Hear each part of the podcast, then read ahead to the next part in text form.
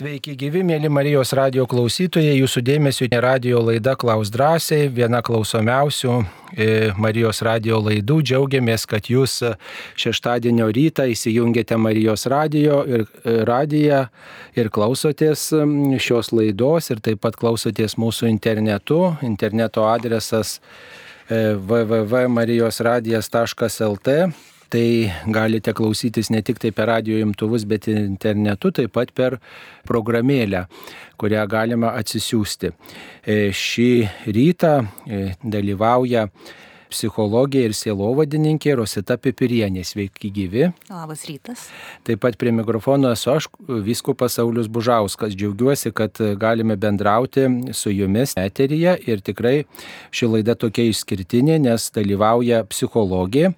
E, žinome, kad psichologija ir tikėjimas dažnai žmonių siejami ir dažnai klausia žmonės, kokie čia skirtumai, kas čia yra bendro tarp tikėjimo ir tarp psichologijos. Tai dabar kaip tik tai yra tokia unikali proga apie tai paklausti, e, paklausti pačios psichologės, kuri talkininkauja įvairiose mūsų laidose. Kaip žinome, yra tokių temų, kurios rūpi ir psichologams, ir kurios rūpi taip pat ir kunigams, bažnyčiai, tikėjimą turintiems žmonėms, kaip pavyzdžiui, kaltė, gėda, nuodėmė ta pati, klaida, atleidimas, susitaikymas, e, žmonių santykiai, atvirumas aukštesnė jėgai galbūt, ar ne netgi e, iki tam tikros ribos neįvardinant, ne, bet mes tikinti žmonės įvardinam, kas to aukštesnė jėga, psichologai galbūt sustoja e, ties tam tikrą ribą ir gilinasi į žmogaus išgyvenimus, tačiau ir, ir kunigams, ir klausykloje, ir pokalbiuose tenka dažnai susidurti su žmogaus išgyvenimais ir kartais žmogus neturi ką pasakyti apie nuodėmę, bet kalba apie savo jausmus. Tai čia jau tokia daugiau psichologijos rytis, bet apie tai kaip tik tai yra proga kalbėti su specialistu žurnaliste, kuri domisi šią temą. Taigi jau mums kažkas paskambino, tuoj mes e, užsidedam ausines ir klausome, kasgi mums paskambino. Mums paskambino iš Vilniaus Bernadeta. Sveika Bernadeta, klauskite. Labas rytas. Labas rytas. Pas mane labai giluminis klausimas, jis mane duoda seniai ramybės, nežinau, kas man siunčia. Aš va tokią noriu pradinę pasakyti die, niekas neatsirado be Dievo sukūrimo. Viską sukūrė Dievas. Ir Dievas tai žinojo, sukurdamas angelus, kad vienas pavirš šeitonu, jisgi tą tai žinojo, kad tai bus šeitonas. Ir, kada, ir kodėl jis jį nusviedė į žemę, su tokia jėga šeitono, tai ne žmogelio silpno jėga šeitono, kuris dabar nuodyje iš kartos į kartą visą pasaulį. Kodėl jis jo nesunaikino vėl į nebūtį, į nebūtį, tik po jo būtų ir nebuvę, o jį nusviedė į žemę čia labai giluminis klausimas kurio čia niekas aišku neatsakys čia tiktai ko gero pamąstymam ir dabar kas yra? Yra šėtonas yra nuodėmė. Jis ir yra nuodėmė šėtonas. Galim mes jį visaip įvardyti ir tai reiškia išeitų taip kad dievas net ir nuodėmę sukūrė. Jeigu jau taip logiškai pagalvojus jeigu šėtonas yra nuodėmėj o kūrinys tai yra jis irgi dievo nes iš iš angelo pavirto jisai šėtonu jis irgi kūrinys yra dievo. Tai kaip čia dabar suprasti kad e, visa kūrinija sukurta dievo ir jis į priekį žino labai daug keliem tūkstančiam metų ir žinojo tą visą pasaulio sutvėrimą, kas toliau seks po to. O Jadomas ir Jėva, tai jie yra jau, kai buvo pirmieji žmonės, jau šeitonas veikia juose, mes galėjom bet kuris kitas būti jų vietoj.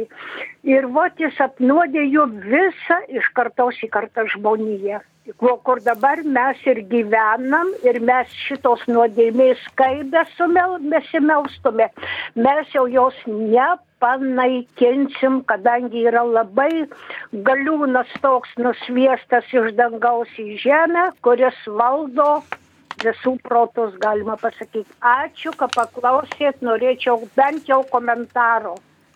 Taip, tai ačiū Jums, kad štai domitės tokia tema piktojo tema, tai yra labai tokia jautri tema. vis dėlto negalim sakyti, kad, kad Dievas sukūrė nuodėmę. Tai būtų vis dėlto klaida. Dievas blogio negali sukurti. Dievas sukūrė angelą, turinti, galinti apsispręsti turinti valią. Reiškia, angelų sukūrė ir angelai apsisprendė netarnauti. Štai kai kurie angelai, taip reikia sakyti, ne, ir Dievui pasipriešino. Ir tas, kas priešinasi Dievui, stoja į piktojo pusę. Dievo darbams pasipriešino ir dėl to viešpats, e, na, to, kuris sukyla, kuris priešinasi, kuris prieštarauja jam, na, negali laikyti savo akivaizdu, kitaip sakant, nuodėmės, blogio, maišto, tokio priešiškumo negali būti Dievo artumoje, nes Dievas yra tobulas gėris ir dėl to viešpats, na, e, pasielgė taip, kad, e, taip sakant, piktai atitolino nuo savęs, ar ne, atitolino nuo Dievo karalystės. Ir jeigu sakot, kad sukūrė Dievas angelą, taip, Dievas angelą sukūrė ir tikrai tame piktajame taip pat yra lašelis gėrio, nes jis yra angelas, ne, bet tas gėris ten jame yra nu, iškreiptas, naudojamas blogam, kitaip sakant, būtis yra, o būtis taip pat yra gėris, bet tai ta būtis, kaip čia pasakyti, ji, jinai, nu, vat, gali, būdama būtis turinti laisvą valią, gali pasirinkti. Ir jeigu ji pasirenka blogą, jinai tą, tą gėrį panaudoja blogam. Juk ir kiekvienoje nuodėmėje yra lašelis gėrio. Yra gėrio bet tas gėris iškreipiamas, netinkamai naudojamas. Va, bet kurią paimkite sritį, nuodėmė, nuodėmės, bet kurią sritį paimkime, ten yra gėrio, kažkiek yra gėrio, bet tas gėris yra iškreiptas, netinkamai naudojamas ir tas netinkamas gėrio naudojimas atneša daug žalos, kaip ir pavyzdžiui peilis, ne? jis gali būti geriem tikslam naudojamas, ne? bet taip pat, e, sakykime, jis, jeigu su bloga nuostata įmamas gali žudyti ir tada tampa blogio įrankiu. Va. Tai arba pavyzdžiui pinigai, ne, kurie daugelį žmonių mums svarbus visiems, ne, ir tikrai už juos galima daug ką gerų dalykų nupirkti, jaustis nepriklausomu ir panašiai, bet ir, ir, ir išlaikyti save, padėti artimui, bet taip pat gali būti tuo, kuris tuos pinigus kaupia ir, ir bet kokią kainą siekia jo įgyti ir jie tampa stabu tokiu, tai tampa tada kaip ir blogio įrankiu, ne, bet, bet Tai, bet taip e, mes turime svarstyti, kad vis dėlto tai, kas sukurta, yra gera, bet kaip tas gėris yra naudojamas, va čia klausimas jau tada yra tolesnis. Taigi piktasis yra e, asmuo, tai nėra abstrakcija, piktasis šėtonas, velnės, ir jis priešinasi Dievo planui, Dievo darbams, jis e, sukilo prieš Dievą, nu, taip apsisprendė ir viešpats gerbdamas tą laisvą valią, tą gėrį, kuriam, kurio yra tame e, tame šitone, ne, jis e, jo nesunaikina. Viena priežastis, kita priežastis, kad jis tą sugeba vis dėlto panaudoti kilnesniems tikslams. Dievo ir yra tobulumo tokia tokia, tokia graži savybė, kad jis bet kokį blogį gali palengti į gėrį. E, ir e, žiūrėkit, e, kaip atsitiko, kad nuodėmė atėjo į šitą pasaulį per piktąjį, nuodėmė suvedžiojo žmogų, žmogus pasirinko paklusti nuodėmiai, bet Dievas surado išeitį, siuntė savo sūnų, kad iš tos nuodėmės išlaisvintų. Kitaip sakant, blogį, kuris yra pasaulyje, sugebėjo, na, panaudoti didesniam gėriui. Ir, ir tai mums moko, mus visa šita istorija, nuodėmės tikrovė moko labai gražios savybės, moko nuolankumo, moko supratimo, kad mes esam riboti, kad mes esam e, kūriniai, kad mes e, turim trūkumo, kad mes turim stokos ir na, mus tai atveda į tam tikrą tiesą apie save, apie tą tikrovę, kurioje esame ir apie tiesą, kas yra Dievas.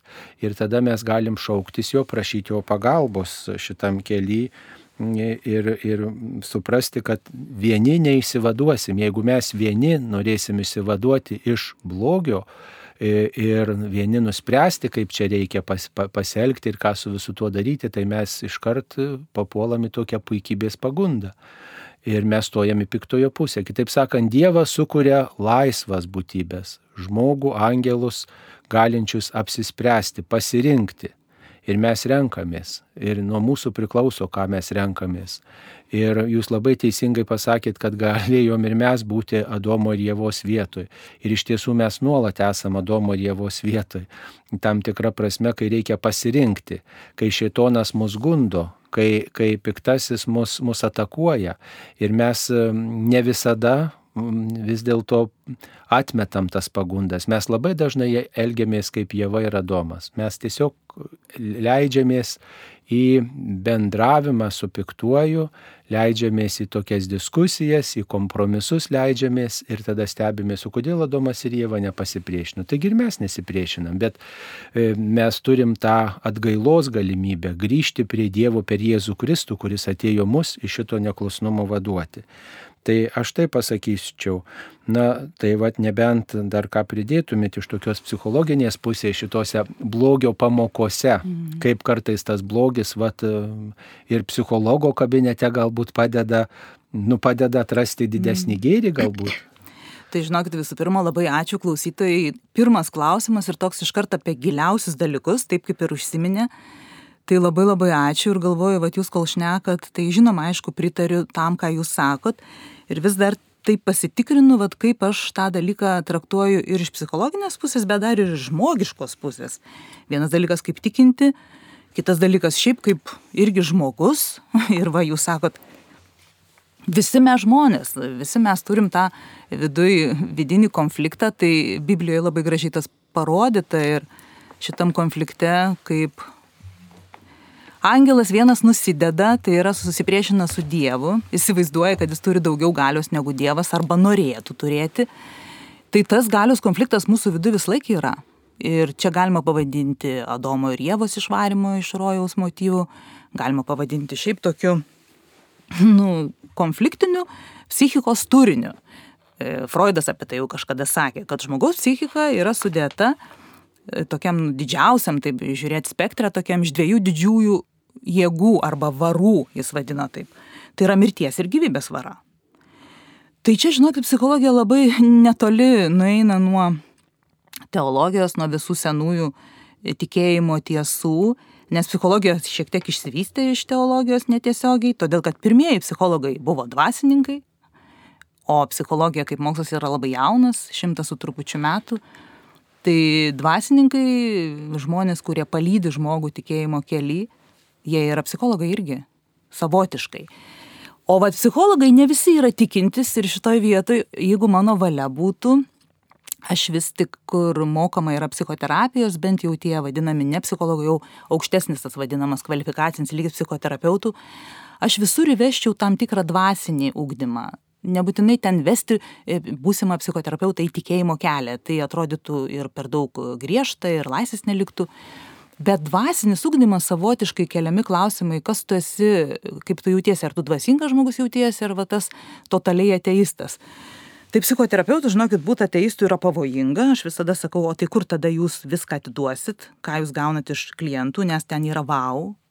Ten tokių velnių žinokit būna iš to žmogaus psichikos kur sėdžiu kartais kabinete galvoju oho dabar faktiškai jau reikia pasimelst tai štai mano yra toks požiūris aišku aš su savo požiūriu galiu va tik dalintis ir ir dėkoti žmonėm kad yra labai labai daug dabar tarp mano psichologų kolegų ir tarp besimokančių jaunų būsimų psichoterapeutų daug tikinčių žmonių arba bent jau laikančių save dvasingais kurie galvoja kad ne protas viską lemia ir kad kai yra prote jau skylės va kaip čia pa paminėjo klausytoja kad jau jaučiu velnią kuris jau mane gundo ir nežinau ką su tuo daryt va tada yra jausmas, kad aš galiu kažkur kreiptis, galų galę melstis.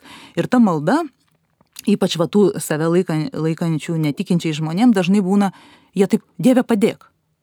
Sako, aš taip pasakau, bet aš netikintis. Sakau, nu kaip čia? sakau, jūs tikintis, ačiū Dievui, bet sakau, čia ir yra malda tai aš sakyčiau kad šita pailiustruota situacija apie šėtoną ir jo nutrenkimą į žemę bet ne nužudymą nes klausimas tai žiūrėkit buvo labai gilus Klausytoja klausia, kodėl nenužudė. Ir čia yra amžinas klausimas. Į jį, žinokit, tiek visi bando atsakyti. Prirašyta filosofų, teologų knygų. Psichologai irgi, žinokit, nagrinėja blogio klausimą ir atsakymo tiesioginio neranda. Aš asmeniškai, man labai tai rūpėjo. Aš tiesiog negaliu gyventi, nepasiaiškinus, kodėl egzistuoja blogis, nes man taip nuo to skauda. Man taip skauda kai aš matau tą kančią namuose pas žmones smurtą prieš vaikus tėvų e, mokykloj patyčias kažkokį tai visuomeniškai labai baisų požiūrį į kažką nu, žeminant pavyzdžiui kažkokius nepriimtinus žmones kurie keistesni. Aš pavyzdžiui mokykloj buvau gana keistas žmogus labai domėjausi tokiais įdomiais dalykais gamta pavyzdžiui tuo pačiu dievu tai aš nu truputį tais laikais tarybiniais nepritikau. Ir man va tas vat kad visuomenė kartais smerkia tuos žmones kurie turi savo asmeninį kažkokį požiūrį nu labai labai skaudu man tie dalykai matyt. Ir aš galvoju gerai tai kodėl tas blogis? Ir radau žinokit atsakymą kuris šiai dienai mane patenkina nežinau ar čia ilgai taip bus kad blogis yra dievo leistas todėl kad galėtų pasireikšti gėris nes jeigu blogio nebūtų mes negalėtumėm demonstruot nei atjautos nei altruizmo nei labdaros. Išryškina gėrį labiau blogis. Taip, išryškina. Brangi gėrį. kaina, bet. Taip... Arba gali pasireikšti gėris aukščiausią formą. Pavyzdžiui, kai buvo COVID išgyvenimai, visi tie karantinai, pažiūrėkit, kaip visas pasaulis susiemė ir visi vieni kitiem padėjo. Karo irgi metu. Tai aš ne už tai, kad egzistuotų blogio kuo daugiau, nes tada, žinot, ir gėris vis didės ir didės. Ne, ne, ne, ne, blogį reikia stabdyti, bet pirmiausia, žinokit, atsižvelgiam į savo vidinius dalykus. Bet kai blogį stabdom, tai mes dauginam gėrį, tai suprantat, stojam į gėrio pusę. Taip, Turim galimybę pasirinkti savo taip, laisvę, tokią vertybę. Ir pradėti išreikšti. nuo vidaus, nes tie žmonės, kurie aiškina, kad pirmą reikia ištaisyti blogį aplinkui ir pašalinti visus, kurie blogį sėja, vos net ten, žinot, mirties bausmę gražinkim, nu ne tas čia eina kelias. Pirmą pasižiūrėkim, koks vidinis konfliktas mano vidui. Aš tai asmeniškai vis pasitikrinu, labai turiu tokią nu, kaip meditacija, kaip malda. Na, Rusita, pasižiūrim, e, kokia pastaruoju metu tavo puikybės forma labiausiai reiškiasi. Ir man labai tada vat, su to šetonu akis akį savo vidinio aš susitinku, nes aš linkus, aš esu gana stipri, galinga, aš kartai savo galę ne visai teisingai naudoju. Ir aš pasitikrinu.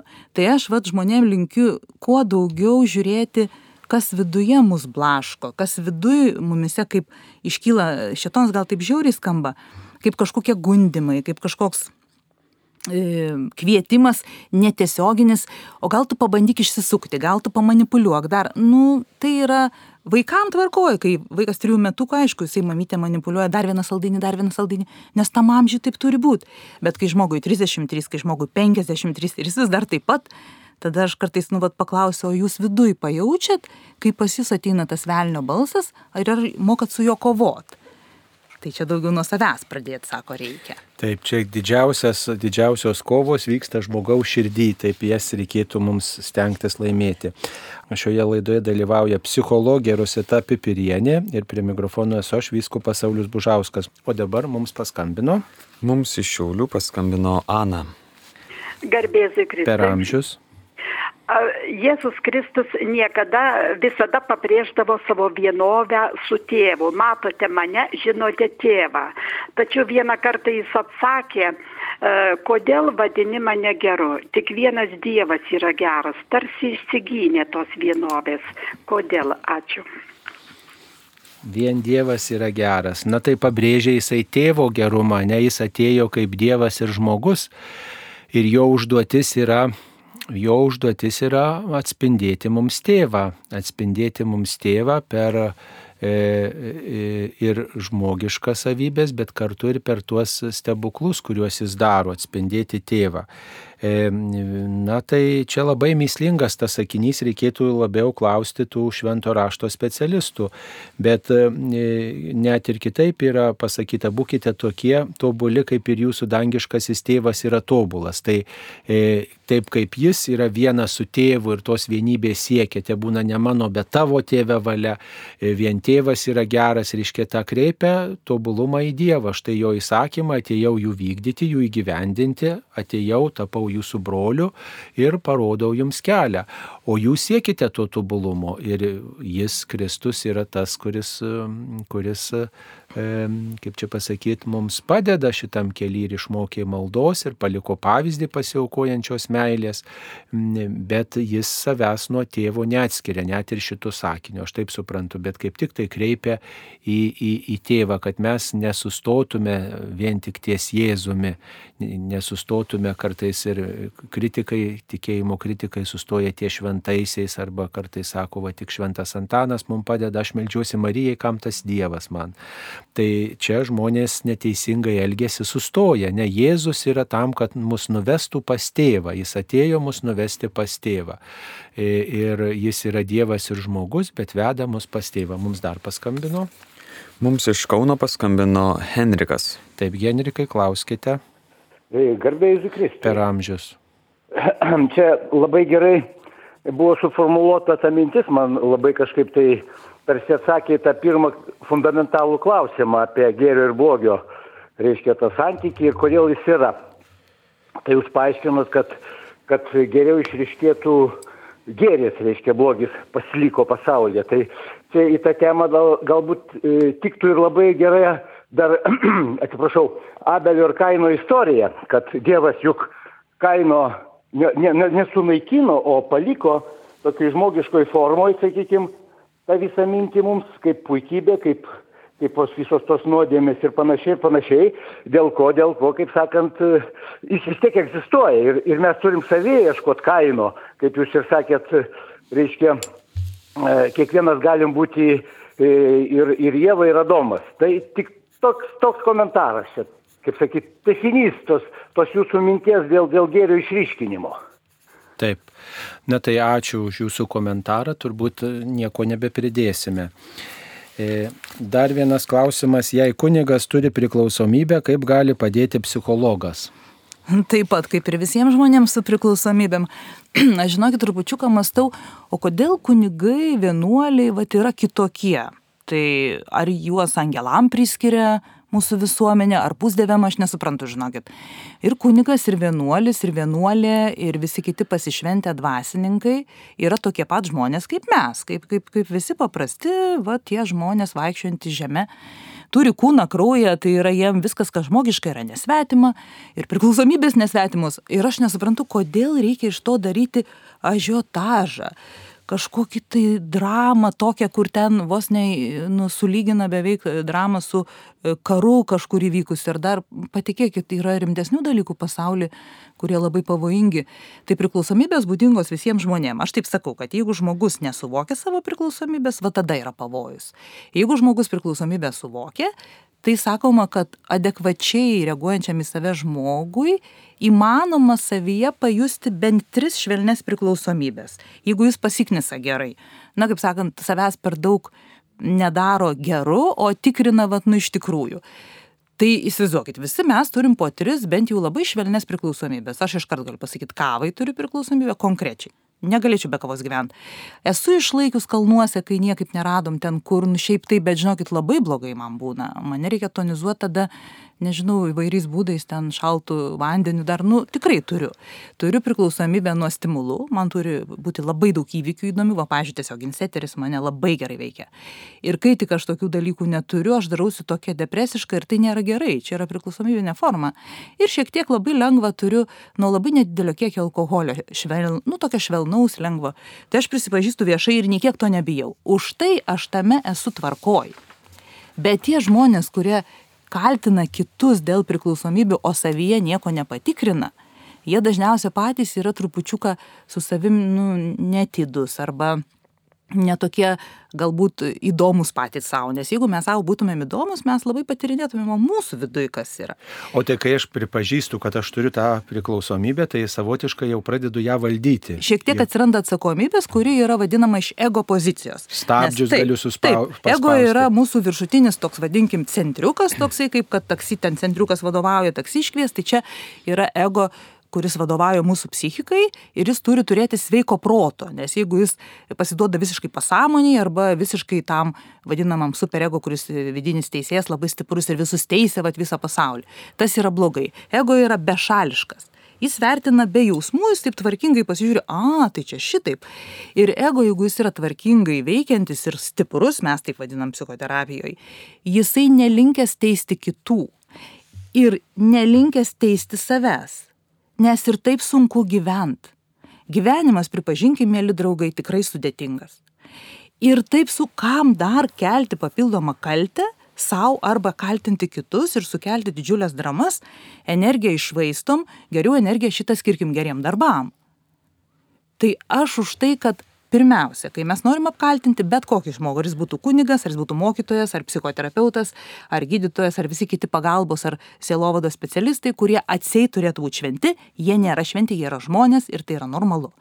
Jeigu aš noriu juose ieškoti e, priklausomybių ir netgi su padidinimu stiklu ir kuo daugiau, pirmiausia atsisukim į save ir pažiūrėkim, o aš kaip su tom priklausomybėm tvarkausi. Ar aš jų turiu, ar aš jas pažįstu, tada bus visiems daug patogiau. Kitaip sakant, reikia pripažinti pirmiausiai savo, neprikla... savo priklausomybę, tada jau galima kreiptis į psichologą. Tada jau galime stekmenį į kitą, nors šiaip geriau iš vis akmenų Geriau nemėtyti. nemėtyti. Taip, dabar mums paskambino.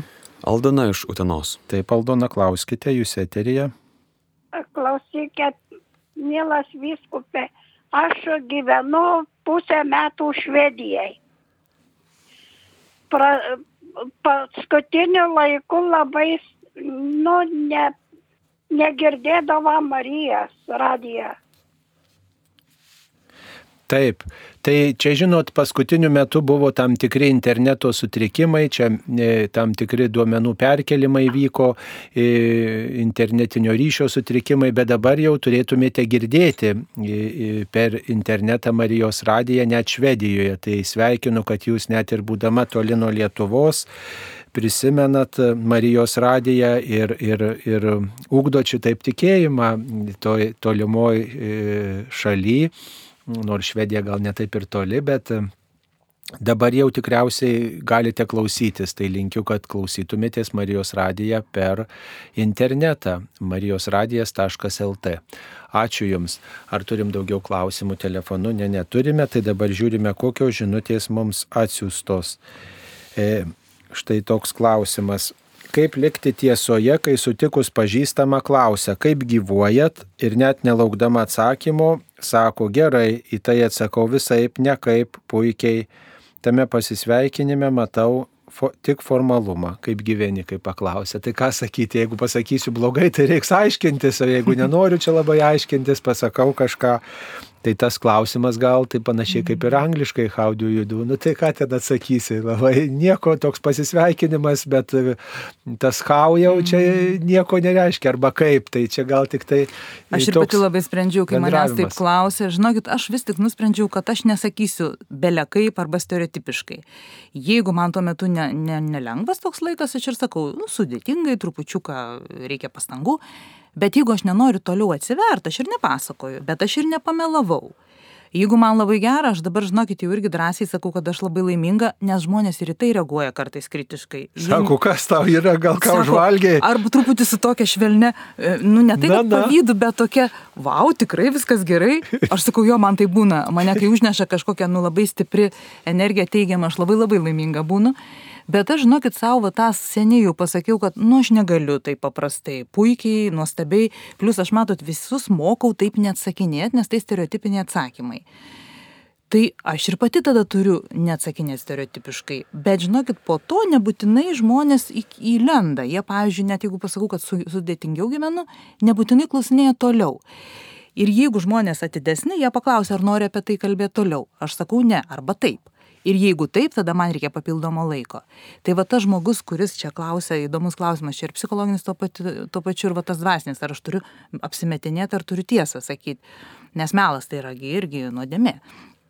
Tai ar turim laiko po to dar toliau su tuo žmogum kalbėtis, nes tik tada verta atsivert, nes jeigu nėra laiko, tada gaunasi, kad nu, negalima paskubom kalbėti apie savo didelius vidinius dalykus. Kitas dalykas, ar aš noriu šitam žmogui pasakoti, kuris mane užkalbino nes gali būti aš nenoriu. Ir tada aš ne tai, kad sakau, normaliai gyvenu, kaip visada, bet aš galiu pasakyti tiesą, tą žodį, kuris gali atspindėti esmę, bet aš nesiplečiu. Ir kitas dalykas paklaus, kaip kitam žmogui. Kartais klausia žmonės, o reikia visada klausti, jeigu neįdomu. Sakau, nu jeigu visiškai neįdomu, gal neklauskit, bet bent jau pažiūrėkite į akis. Nes kartais problema yra ne tame, kad mes nesišnekam su netyčia sutiktai žmonėm arba senais pažįstamais, at prasilenkiam. Problema, kad mes nežiūrime akis. Ir tai yra gana dažna, gal lietuvių šiaip tauta tokia melancholiška, intravertiška, kontaktą akių laikyti, ypač netyčia susitikus, nėra paprasta. Bet kartais, žinokit, užtenka atidžiai pažiūrėti, palinkėti kad viskas klostytųsi gerai, čia, kad faina būtų vasara ar kažkaip, jau palinkėjime yra kažkoks nuoširdumas. Ar mums reikia per vieną minutę apsidalinti gyvenimo patirtim? Nebūtinai. Bet santykis įvykti gali. Ir kai aš tą pradėjau praktikuoti, va šitaip, žinokit, realiai kartais užtenka vienos minutės, kad mes susitiktumėm. Ir vėl prasilenkiam, sakoma, te, te, aš skubu, bet jausmas yra, kad pakalbėjom. Taip. Viso. Tai nuoširdumas visur yra vertingas dalykas. Taip, mums paskambino. Mums paskambino Valerija. Taip, Valerija, klauskite, jūs eterija. Aš noriu, noriu. Čia kažin gal man, gal man dabar kalbėti. Taip, taip, jūs kalbėkite, Valerija. Aš noriu pasiklausti, ar aš didelį nuodėmį darau, kad aš kiek paskolinu, kam ar, ar taip gerą padarau, tai man visi vis kaip ir blogą daro. Ir iš šito ir dabar paskolino va kaimynkai pinigus, dalį da, gražina, paskui nebegražino. Ir aš dabar susitinku ir aš ne, negaliu nepažiūrėti jos. Taip. Ir aš jos, na, kaip ir prašau Dievą, kad jos nubaustų. Taip. Nu, kad nubaustų gal nereikia prašyti, bet reikia prašyti, kad e, sugrįžtų teisingumas. Viešpatė apšviesk tą kaimynę, kad jie gražintų skolą. Tiesiog, nu, čia yra toks senas posakis, jei nori su kuo susipykti, tai paskolink pinigų. Nes e, paskui labai sunku gražinti tam, kas pasiskolino, net jeigu ir atrodo kartais patikimas žmogus, o ima ir, ir nu, neturi iš ko gražinti. Tai, Tai čia yra rizika, visada rizika, bet kad nubaustų, tai ne, nu, žinot, bausmės prašyti, nu, bausmė visada turi tokią auklėjamąją, turbūt pra, e, tokią mintį, tokią potekstę. Mm, gal reikia prašyti išminties, aš taip sakyčiau, kaip jūs patartumėt. Žinoma, kad taip, jeigu melžiamės už tą žmogų, kuris mums kažką negero padarė, ar skolos netidavė, ar įžeidė, ir nesuprato, neatsiprašė, ar dar, tai aš manau vis tiek reikėtų melstis, kad tam žmogui prašviesėtų. Ar ten išmintis atsirastų, ar suvokimas, ar jisai labiau mane pastebėtų, kad mane įžeidė. Jo, bausmės prašyti, tai čia kaip ir, kaip ir tada linkėti kažkam blogo ir tai nebūtinai bus gerai ir man. Jeigu aš kažkam linkėsiu blogo, čia toks keršto motyvas, jis ir mane tada kaip tą linkinčią blogo trupučiuką neigiamai veiks. Kita pusė šitoje situacijoje labai psichologiškai yra, šiaip reikia mokėti sudėti ribas. Aš suprantu, kad žmogus yra altruistas, e, gerą linkintis tikrai ir, ir labai norintis padėti visiems kitiems, tas yra labai faina ir tas yra sveikintina, bet mes vis tiek turėtumėm kitiem priminti, kad mesgi nesam angelai, mums reikia ir valgyti, ir, ir už komunalinės mokėti, ir, ir, nežinau, ir gal anukus vaikus išlaikyti, kažkiek padėti. Tai mes turim priminti, kad mums reikalingi tie pinigai. Ir kaip tai padaryti, yra va, daugybė būdų. Vienas būdų yra toksai griežtas, reikalaujančių tonų pasakyti, atiduok ir taškas, ir, ir kiek čia galima. Bet aš tai linkus daugiau siūlyti ne tokius griežtus, o daugiau dėrybinius tokius būdus. Bet iš viso ignoruoti ir nes, nes, nu, kaip pasitraukti tarsi nuo tos kaiminės ir linkėti jai blogo, tai visiems tada neigiamai veiks. Ir tai kaiminiai, ir mum tas, kuris žmogus va, tai bėga nuo, nuo to skolos netidavimo ir neišsireikalavimo savo. Mandagiai pasakius, negriežtai, bet reikliai. Žinote, yra toks, va, kaip sudėti ribas, neagresyviai, bet reikliai. Man priklauso tie pinigai, aš paskolinau gerą linkėdama ir aš galiu mandagiai paprašyti atgal. Čia ne tos kaiminės pinigai, čia mano pinigai pas ją. Tai va čia toks ir vertės dalykas, gal trupučiuką, to, toj situacijoje žmogus turi jaustis vertingas, jam priklauso tie pinigai, tik jie laikinai buvo atiduoti kitam žmogui, kam labiau reikia, ne tuo metu. Ir dabar jau tas žmogus gražins kažkada. Tai aš už tai, kad visada būtų priminimai. Kaip jie ten turi atsirasti, geriau būtų neagresyviai, bet užtikrintai. Aš turiu teisę susigražinti man priklausančius dalykus. Ar tai būtų paskolinta kažkokia tai, kažkoks daiktas, ar tai pinigai, nes mums tai priklauso. Nu taip, galima ir priminti, tai žmogau, kaip tu stosi prieš Dievą, jeigu tu vas skolų negražinai. Dar ir tikintis, tai žinoma, ir iš šitos pusės. Tai, tai reikia nors kiek sažiningumo, turi dalimis atiduok, mm. dalį atidavai, dar dalį atiduok, o paskui kitą Čia dalį vėliau. Tai klausimas, nes Na, galim susitikę pasidarėti, taip, kiek tu tai gali ir dabar. Ir reikės tau, kaip tu prieš Dievą atsiskaitysi. Taip, tai dar viena žinutė tokia. Jei švenčiausioji trejybė yra visada kartu, kodėl kviečiame tik šventąją dvasę, kodėl neįprasta kviesti švenčiausiąją trejybę. Štai toks klausimas iš pajūrio. Tai, na, trejybė tai yra asmenų santykis. Tai paprastai mes kreipiamės į asmenį, į asmenį kreipiamės ir asmuo mums padeda, aišku, ten, kur yra vienas asmuo, ten yra ir kiti švenčiausios trybės asmenys. Tai e, kreipiamės į vieną Dievą švenčiausioje trybėje esantį. Tai e, čia, žinot, kaip sakyt, daugiau yra teologinė tokia tiesa ir įprasta vis dėlto su asmeniu palaikyti ryšius, bet ne su tokia teologinė tiesa. E, mums tokia abstrakčesnė tiesa, mums taip jau sunku ir tą šventąją dvasę suprasti, nes mes žmonės konkretus ir mums reikia konkrečių tokių ženklų.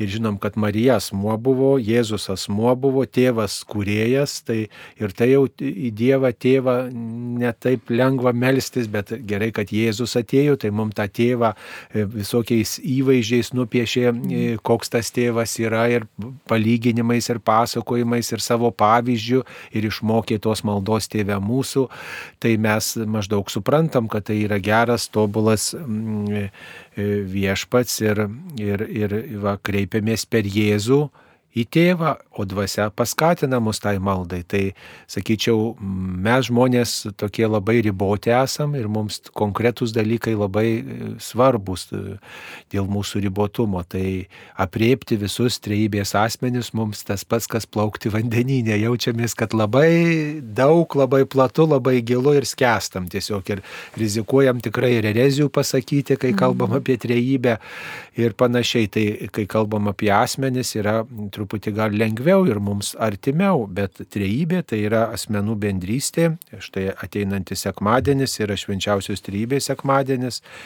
Yra proga kalbėti, kad Dievas jis yra vienas, bet jis yra trijose asmenyse, trys asmenys pažįstame įvairiais būdais ir tie asmenys tarpusavį turi vienybę tam tikrai, kurią ir mes būsim pakviesti, mhm. dalyvausim toj e, trejybės tam gyvenime, vidiniam Dievo gyvenime, nes Jėzus savo, savo E, žmogystę ir dievystę ten nunešė, tai mums ten vieta ruošiama, tik svarbu, kiek mes patys tam pasiruošime. O mano šitoje vietoje dar yra pridėjimas, kad aš kai sprendžiau, man irgi su trejybė buvo labai sudėtingi dalykai, aš galvoju, kaip čia dabar viską įimti į save ir būti tą tikinčią jau visą sielą, visą širdim ir visų protų.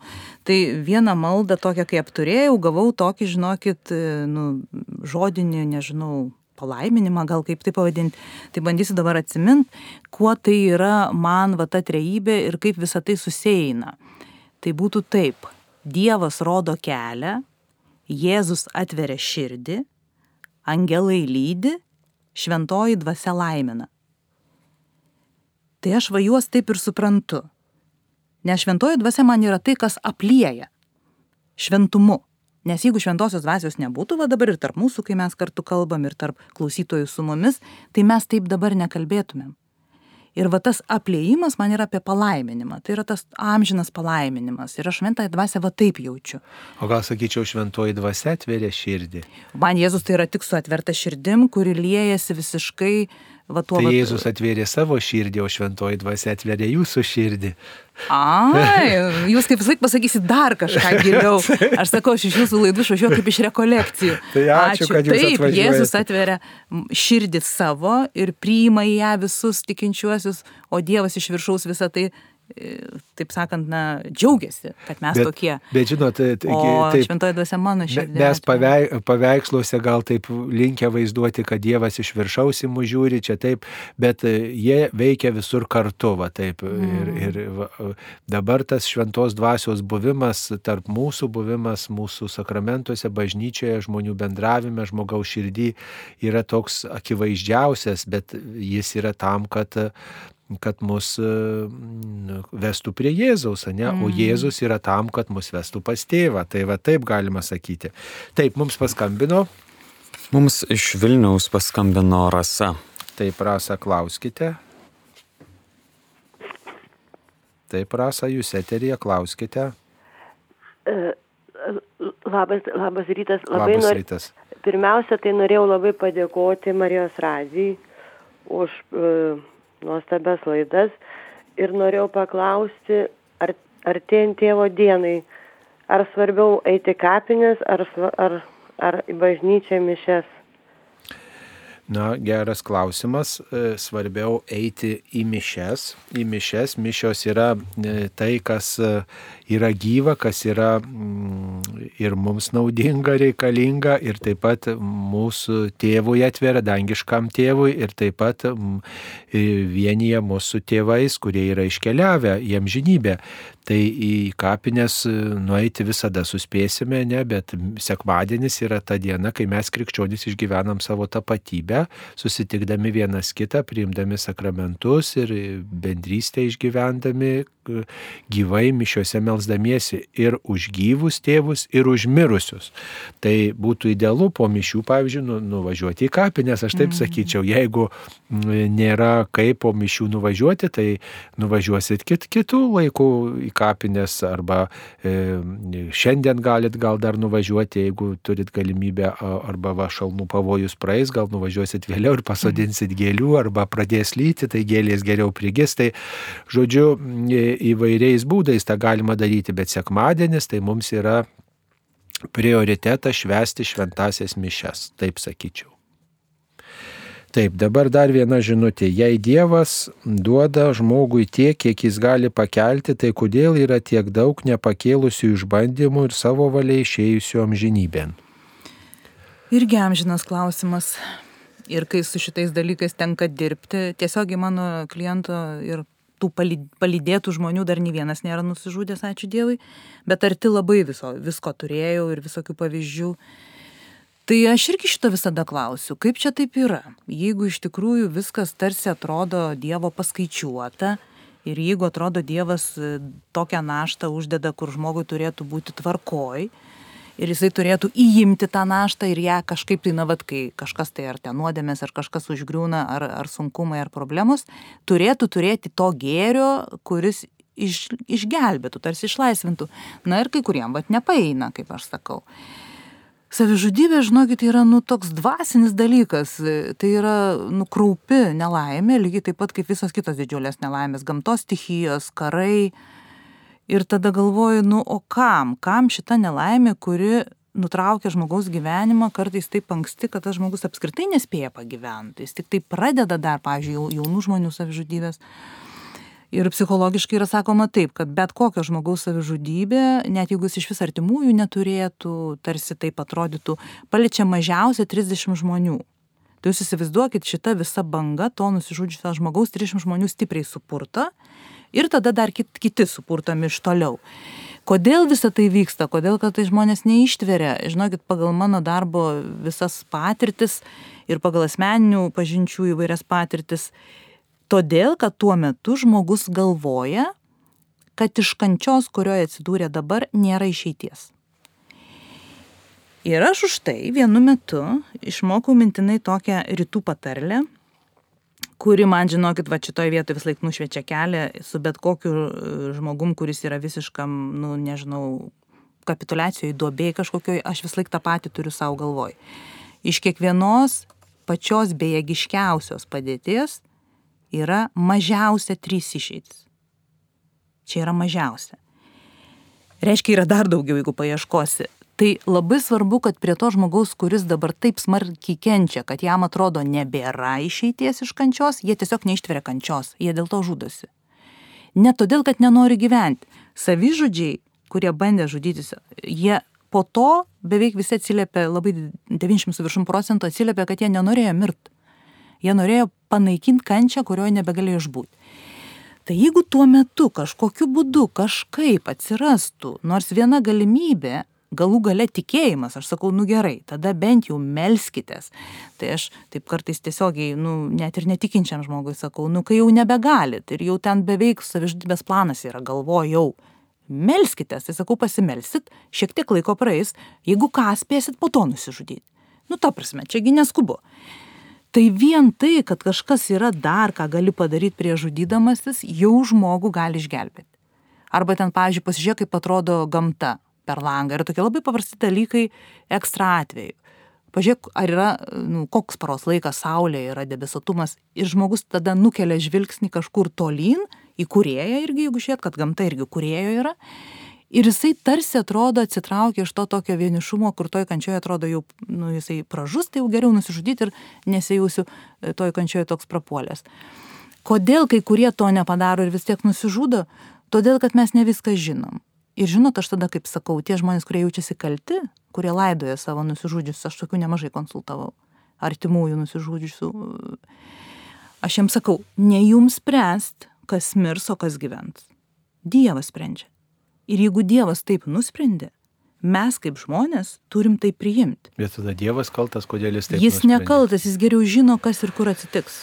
Taip ir dar kartais gali būti taip, kad tos pagalbos žmogus nepriima, kurią Dievas siunčia kaip pagalba. Jeigu, pavyzdžiui, žmogus nesimeldė arba ta malda netokia buvo, arba ne- nešventė sakramentų, nei jų išpažinties, nei neįsikalbėdavo dvasios tėvui. Mm. Arba šiaip, draugui. pavyzdžiui, atstumia kartais pagalbą, jie Tai yra tokie vieniši, kad jie taip. atstumia į artimųjų pagalbą, jie į psichiatrinę, pavyzdžiui, nesigula. Nesigulai, tai va gali sakyti, irgi Dievas ir siunčia pagalbą per specialistus tam tikrą būdą. Dažniausiai jie užuominas duoda apie būsimą savižudybę. Ta prasme, nei vienas nenusižudo nieko neužsiminęs. Tai girdi žmonės. Ir už tai nereikia savęs kaltinti, oh, aš nepadariau to, aš nepadariau to, aš jo neišgelbėjau. Kažkas įvyko taip, kas ne nuo mūsų priklauso. Mes padarėm viską, ką galėjom. Jeigu kažko kažkur nepadarėm, jaučiamės kaltė, einam iš pažinties ir melžiamės. Mes negalim tos kaltės neštis. O tas žmogus, irgi gal čia skambės ir labai e, kategoriškai, bet jis irgi prisiema atsakomybę už tai, kad šiuo metu jam taip įvyko. Tas žmogus, kuris žudosi, aišku, jeigu jis yra psichiškai labai nestabilus, nes kartais būna savižudybė ir psichiatrinėse ligoninėse, nors ten apsaugos sudėtos visur. Atsitinka taip. Tada jau mes kalbam apie psichikos sutrikimus, kur jau mes nebegalim sakyti, kad tas žmogus prisimtų atsakomybę už save. Jis jau tikrai yra pakrykęs psichinė prasme ir ten savižudybių daugiau. Deja, taip, statistiškai psichinių ligonių da- dažniau nusižudo arba sergančių depresija ir visom kitom psichiniam lygom. Tai čia yra jau tas vadinamas nebestabilumas, kur jau mes negalim sukontroliuoti. Vaistai ten dar, dar, e, psichotropiniai gali, bet jau žmonės kartais nebegali to indėlio įdėti, vad, gelbėjimo. Bet šiaip, žinokit, yra kartais paslapčių, yra vadinamų, nežinau, nu, vad, tų kažkokių tai žmogui ne iki galo suvokiamų dalykų. Ir kai kada mes turim tiesiog suprasti, kad mes galim va iki čia, mes galim nusimti nuo savęs kaltę, mes galim nekaltinti savižudžio, nes taip atsitiko, reikėtų ir Dievo nekaltinti, papykt galim, Dievas atlaikys, Dievas tam ir yra, kad atlaikytų visus mūsų jausmus. Bet kaltėjai lyg, žinokit, tai yra nu labai sudėtinga. Kaltė apskritai yra labai paralyžiuojantis jausmas.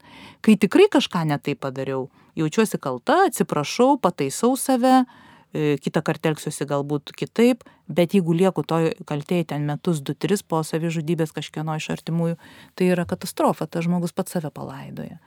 Taip. Bet čia sudėtingas procesas, žinokit, po savižudybių, nu tas atsitesimas žmonių kartais vyksta 2, 3, 4 metus ir daugiau. Nu, labai Reikia supurtantis ieškoti pagalbos. Geriausia yra prevencija visada savižudybė.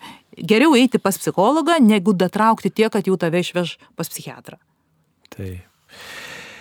Dar viena žinutė, kokia malda, kurią galima sukalbėti mergeliai Marijai, Magnifikato malda. Tai yra mano siela šlovina viešpatį. Šita malda vadinasi Magnifikat malda ir ją galima melstis mergeliai Marijai.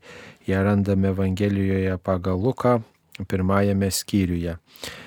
E, Taip, e, dar e, vienas klausimas, kodėl dvasininkams uždraustos santokos, jei būtų neuždraustos, nesikartotų pedofilijos atvejai.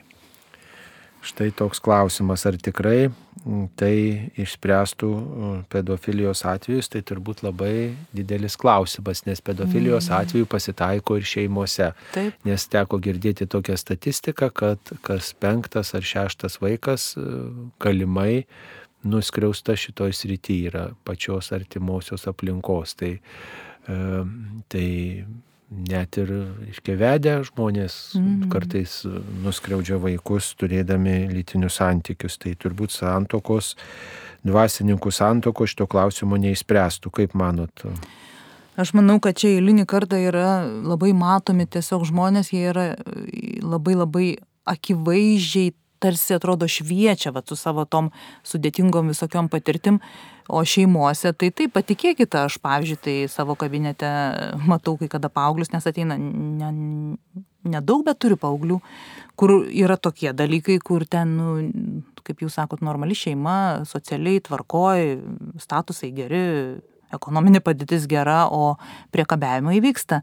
Tai tas išnaudojimas, suprantat, yra ne tik tai seksualinis priekabiavimas. Išnaudoti suaugę vaikus gali ir ribas pažeisdami, neleisdami daryti tų dalykų, kur priklauso tam vaikui, terrorizuodami juos, grasindami ir į tai įeina kartais ir tas fizinis e, per arti buvimas. Pavyzdžiui ten per ilgai vaiką nuogą plauna vonioja ne? Kai kada tėvai sako taigi taip miela aš nugarytę patrinu. O tam vaikui viskas. Jam įspūdis jau kad jį nu seksualiai išnaudoja. Ir tada jisai patiria traumą kur po dvidešim metų ateina pas psichologą ir sapnuoja kaip prievartauja tėtis ar ten mama jį.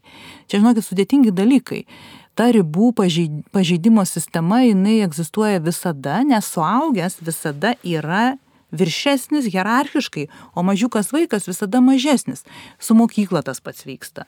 Taigi mokytojai irgi ten ir, ir tas vadinamas smurtas toks, tarsi atrodo truputį stumtelėjau tą vaiką, kad jis čia neteisingai kažką daro, tai čia irgi yra apie smurtą fizinį.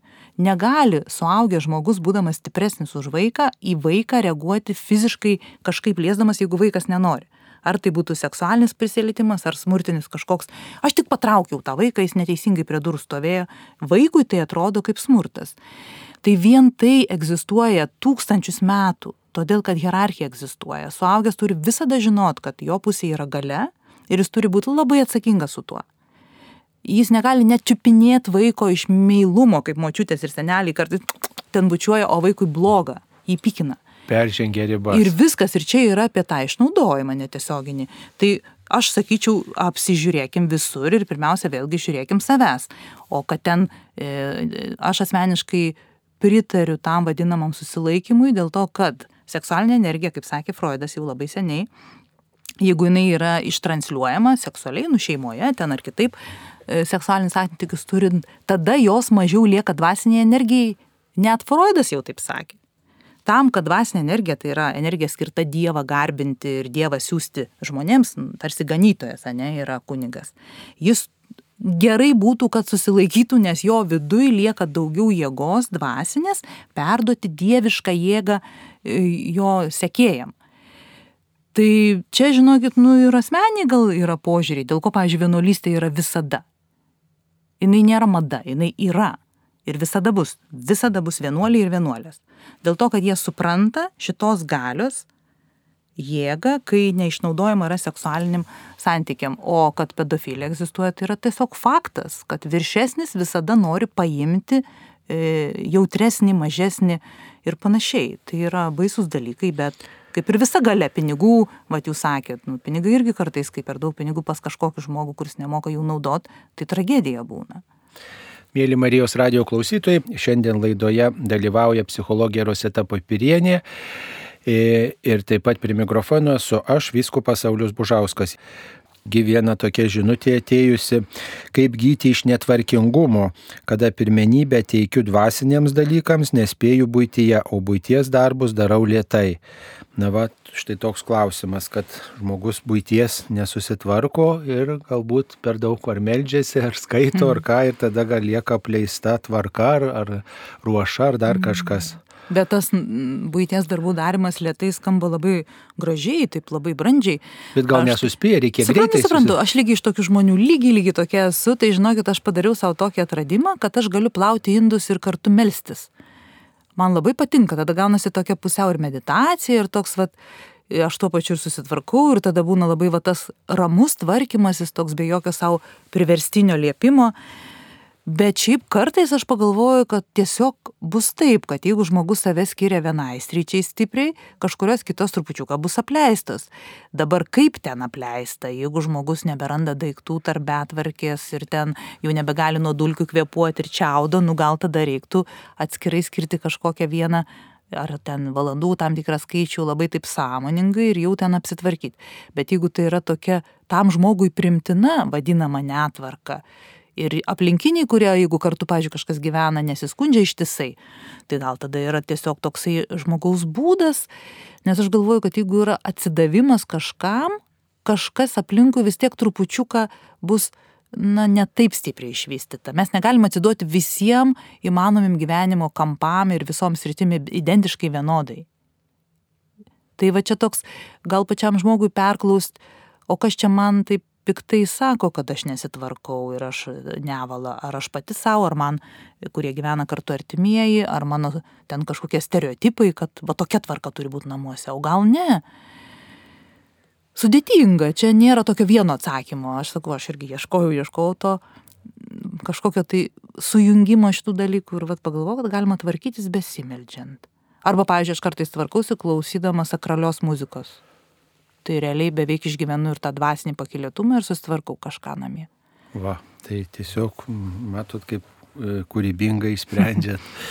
E, kaip atgauti gyvenimo džiaugsmą po didelio pažeminimo? Ar tokių klausimų sulaukėte, kai žmogus... O tai aišku, kad taip, čia ir vėl apie vertę mes kalbam ir apie tai, kad e, žmogus yra vertybė, kas be atsitiktų. Ir aš tada sakau, kad nei vienas pasaulio žmogus ir nei viena pasaulio aplinkybė neturi teisės padaryti tavęs nelaimingu paveikti gali ir paveiks, nes mes žmonės, mes e, esam jautrus, pažeidžiami, turim jausmus.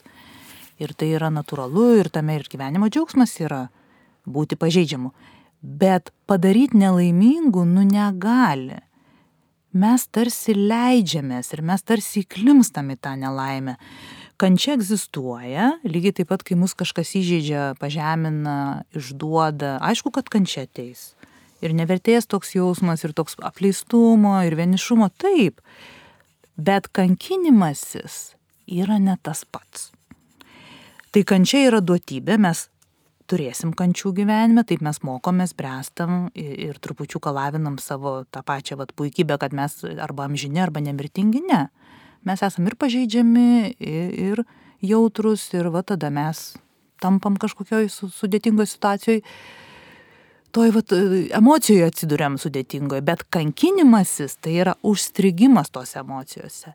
Kančia ir kankinimasis man kartais rodo apskritai netgi skirtingi dalykai. Nes jeigu kančia išgyvenu pilnai, išbūnu joj, pasipasakoju, priimu pagalbą, kurią man duoda aplinka, Dievas, atiduodu Dievui galų galę tą pažeidėją, įžeidėją manęs ir, ir, ir nebeteisiu jo ir, ir tada nebesijaučiu tokia pažeminta, tą žmogų tiesiog Dievas pasiema jau su visu jo krūviu mano maldoj, tai tada aš nebesikankinu.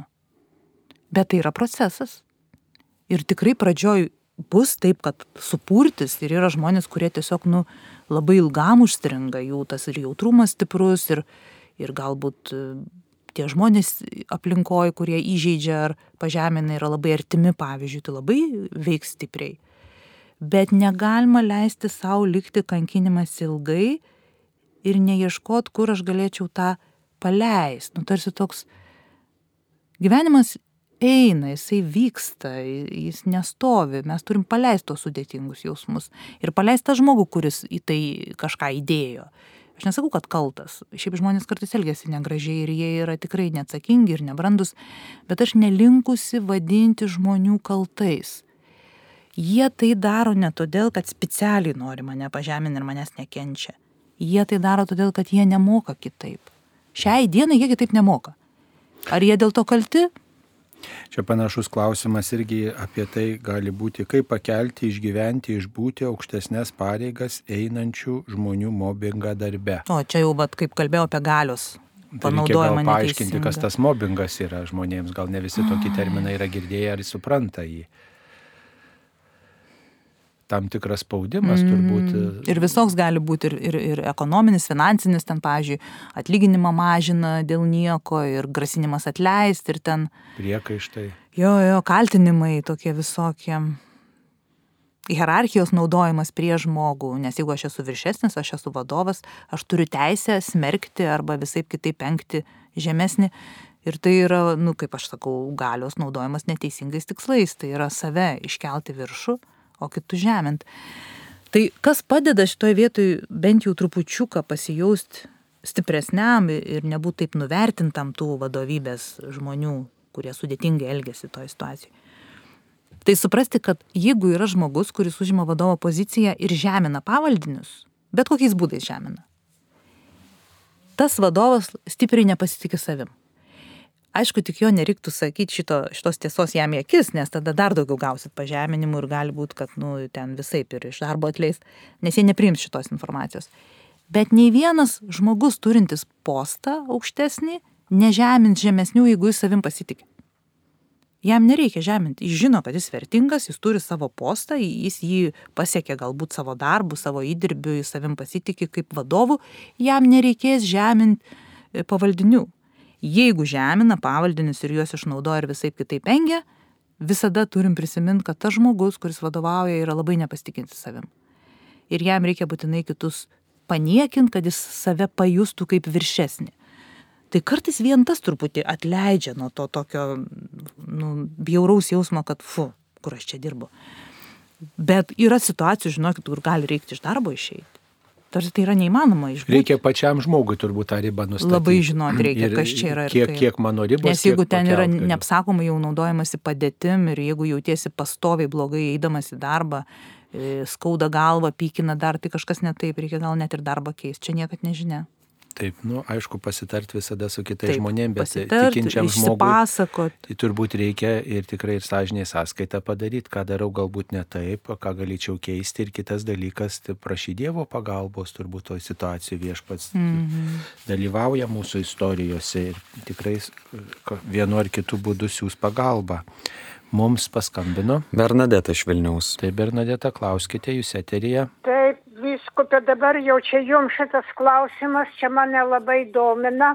Mano dukterėčios perėjo iš šito katalikų tikėjimo į protestantų, persikrikštijo Klaipėdoje jūroje, kitos ten baseinė, sakė, krikštijosi, net dukterėčios duktė, vienuolė gal jau dešimt metų, sakė, ir šita persikrikštijo. Tai dabar, tai ten sutvirtinimų sakramentas liko ir neliko, ir kuris dabar krikštas pas jas liko, ar anas pasinaikino katalikų krikštas ar ne. Ir prie kurio krikšto jos dabar liko. Taip.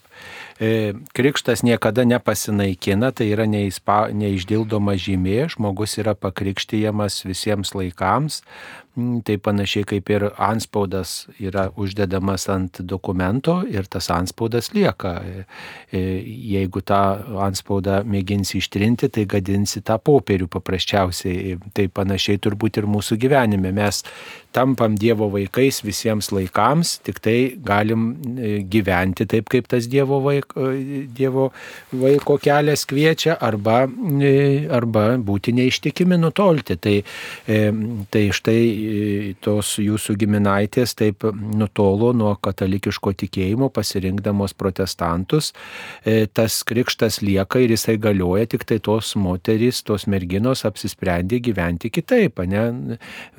Protestantai, kaip suprantu, yra tie patys krikščionys, ne? tik tai vat, nešvenčia sakramentų, vat, visiškai kitaip supranta tą krikštą, kad tas krikštas negeras, reikia kitokio, bet e, nepaisant jų manimų, tas krikštas jisai galioja jų gyvenime ir bažnyčia visada laukia tų žmonių sugrįžtančių, švenčiančių atgailo sakramentą ir, ir e, laukia kaip tų, kurios įsijungtų į bažnyčios gyvenimą per atgailą, per, per tokį e, pilnavertį katalikiško tikėjimo pažinimą.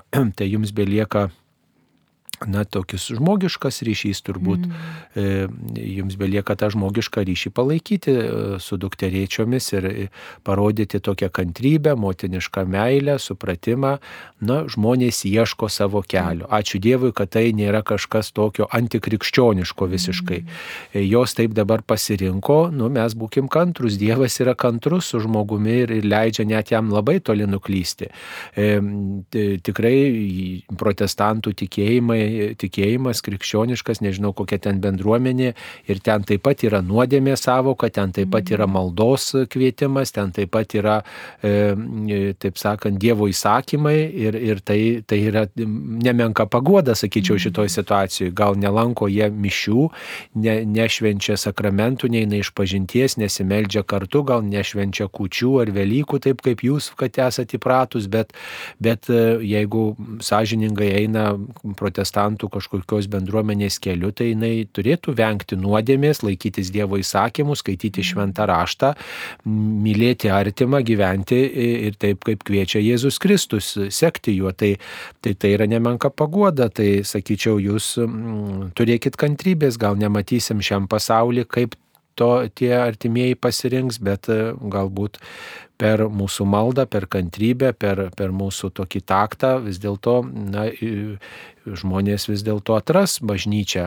E, matot, protestantai tai yra tos bendruomenės, kurios atskilo nuo katalikų bažnyčios vienai par kitaip. Ir e, vienos gal draugiškiau katalikų bažnyčios atžvilgių ir palaiko tuos ekumeninius ryšius ir mes matom ten gražių dalykų tuose protestantų bendruomenėse, kaip pavyzdžiui dėmesį šventajam raštui ir tikrai su kai kuriuom protestantų bendruomenėm labai gražiai bendraujam ir einam, siekiam tos krikščioniškos vienybės su kitom esam šiek tiek tokiuose šaltesniuose santykiuose, labiau nutolę, bet e, visada yra tas žmogiškas turbūt e, supratimas, toks palaikymas kito žmogaus kelio, kito žmogaus kaip asmens, mm. vat, net jeigu ir nepritarėm jo keliu, bet palaikom, kad nu tu eini savo keliu, tai pasirinkai, svarbu, kad ten nebūtų kokio blogio daroma mm. tam jo keliui. Mums paskambino. Mums iš Vilniaus paskambino Laima. Taip, Laima, klauskite, jūs eterija. Per amžius. Aš e, norėčiau truputėlį dar e, pratesti temą dėl pedofilijos ir kadangi aš pati esu e, dvasinė palydėtoja ir, ir selovadininkė man te, kartais tekdavo e, e, bendrauti ir su homoseksualiais asmenimis ir norėčiau gal šiek tiek kit, kitų rakursų pasižiūrėti į šitą problemą, negu pas, m, pažiūrėjo E, gerbiama psichologė, kuri dalyvauja laidoje. E, tiesiog e, aš, tiek kaip aš suprantu šitą problemą, esmė ne tai, kad vaikai yra bejėgiai ir lengvai prieinami kunigams, bet esmė ta, kad kaip apibrėžiama pati pedofilija, tai yra potraukis vaikams, tai yra būtent tokiu būdu žmogus jaučia pasitenkinimą. Tai tam tikros rūšies sutrikimas nu jų yra gi daugiau ten ir zo zoofilija nekrofilija ir panašiai. Tai reiškia tai kad tai nėra vien vien tai kad aš pasinaudoju proga nes aš esu stipresnis ir galingesnis vaikas silpnesnis nes normaliu atveju kunigas galėtų puikiausiai susirasti sau partnerių už kaip čia sakyt tarp suaugusiųjų žmonių Ir tai tikrai tai nėra sudėtinga.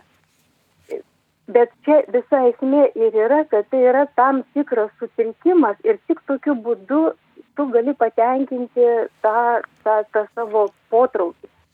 Ir esu girdėjusi, pavyzdžiui, iš homoseksualių žmonių, kad jų potraukis, jie taip mano, kad jų potraukis yra toksai net obsesinis, toks stiprus, kuris, nu, kaip, kaip apsėdimas, kaip priklausomybė ir kad su juo žymiai sunkiau kovoti negu, negu sakysim, kitais atvejais, kai kunigas yra, yra heteroseksualus.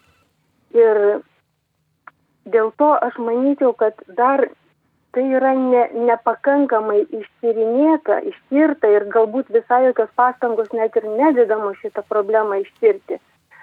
Turiu omeny mokslininkus, psichiatrus, psichologus, e, galbūt gydytojus. Ir taip išeitų, kad e, šitie skaudus įvykiai vyksta tik dėl to, kad vaikas yra prieinamas ir beginklis. Bet kaip tada paaiškinti kad tai vyksta, kaip ir minėjote, ir šeimose, ir, ir, ir, ir įvairiuose ten e, būreliuose, stovyklose. Ir aš manyčiau, kad čia reikėtų labiau žiūrėti į tai, kad kai kandidatai būna priimami į seminariją, kad tada būtų lab, labiau labiau žiūrima, kad dirbtų ties, kad dalyvautų prieimimo komisijoje tie specialistai, kurie būtent su konkrečia šita, nu, kurie yra įsigilinę e, į, šit, į šitą problemą, labai labai konkrečią problemą. Aš suprantu, kad kai, kai visi kandidatai, juos taip pat reikia žiūrėti apskritai, kiek tai yra subrendę žmonės, kiek tai yra stabilų žmonės, kiek tai yra e, nu, pasiruošę tarnauti kitiems ir yra tokie bendri kriterijai, bet dar labiau vat, būt, pasižiūrėti į šitą problemą, nes aš nemanau, kad pedofilų tampama tapus kunigu. Aš manau, kad toks žmogus ateina į seminariją, su tuo, jau suvokdamas šitą polinkį, nežinodamas, ką su juo daryti, nes šiaip gyvenime jis nelabai gali jį pritaikyti, nes tai yra nu, baudžiamoji atsakomybė grėsia.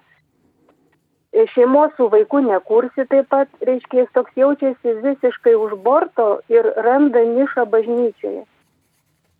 Ir nežinau, gal kada nors bus ta, labiau patyrinėta tas rytis, bet kiek man toks susidarė įspūdis, kad galbūt tuose žmonėse vyksta toks dalykas, kad fiziologinė e, seksualinė branda ateina su metais, su amžinė, nu turiu omeny subrendimas fiziologinis, o, o psichologiškai jie lieka kaž, tam tikrame, nu,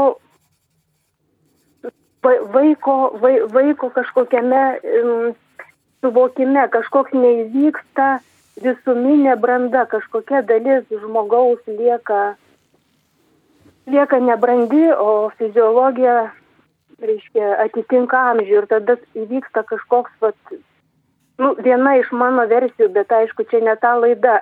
Ką aš labiausiai norėjau pasakyti, kad nereikia kaltinti pačios bažnyčios dėl celibato, kad tik tokiu būdu atsiranda ta pedofilija ir vis, vis, visi kiti dalykai. Čia ne celibato, manau, dalykas Ir, ir net ne tai, kad e, kunigas yra suaugęs ir stiprus, o vaikas e, beginklis ir priklausomas. Ne čia akcentas, man, man taip atrodo. Gal aš klystu ir labai norėčiau komentarų. Ačiū labai. Ačiū Jums. Na, čia yra wow, ačiū labai. Žinokit, jūs palėtėt, matot, gilesnį dalyką negu aš prieš tai buvau kalbėjus. Ir aišku, jeigu gilintis apie priežastis, tai labai daug tiesos, mano bent jau požiūriu, tą, ką klausytoje paminėjot. Bet tada jau galim labai labai toli nukeliauti apie tai, kad asmenybė yra skilusi ir kad ten yra vadinama tokia nebrandos pozicija, ką jūs paminėjote, jūs tikrai teisi. Jeigu mes turim seksualinio tapatumo problematiką, pavyzdžiui, homoseksualumą arba neiškumą seksualinio tapatumo, pavyzdžiui, žmogus nežino, jis ten ar moteris ar vyras, yra seksualinė e, trauka neaiški ilgai ir ta prasme visa kita yra pasimetime, tai iš karto psichoterapiškai ir psichologiškai matoma ir visos asmenybės dezorientacija.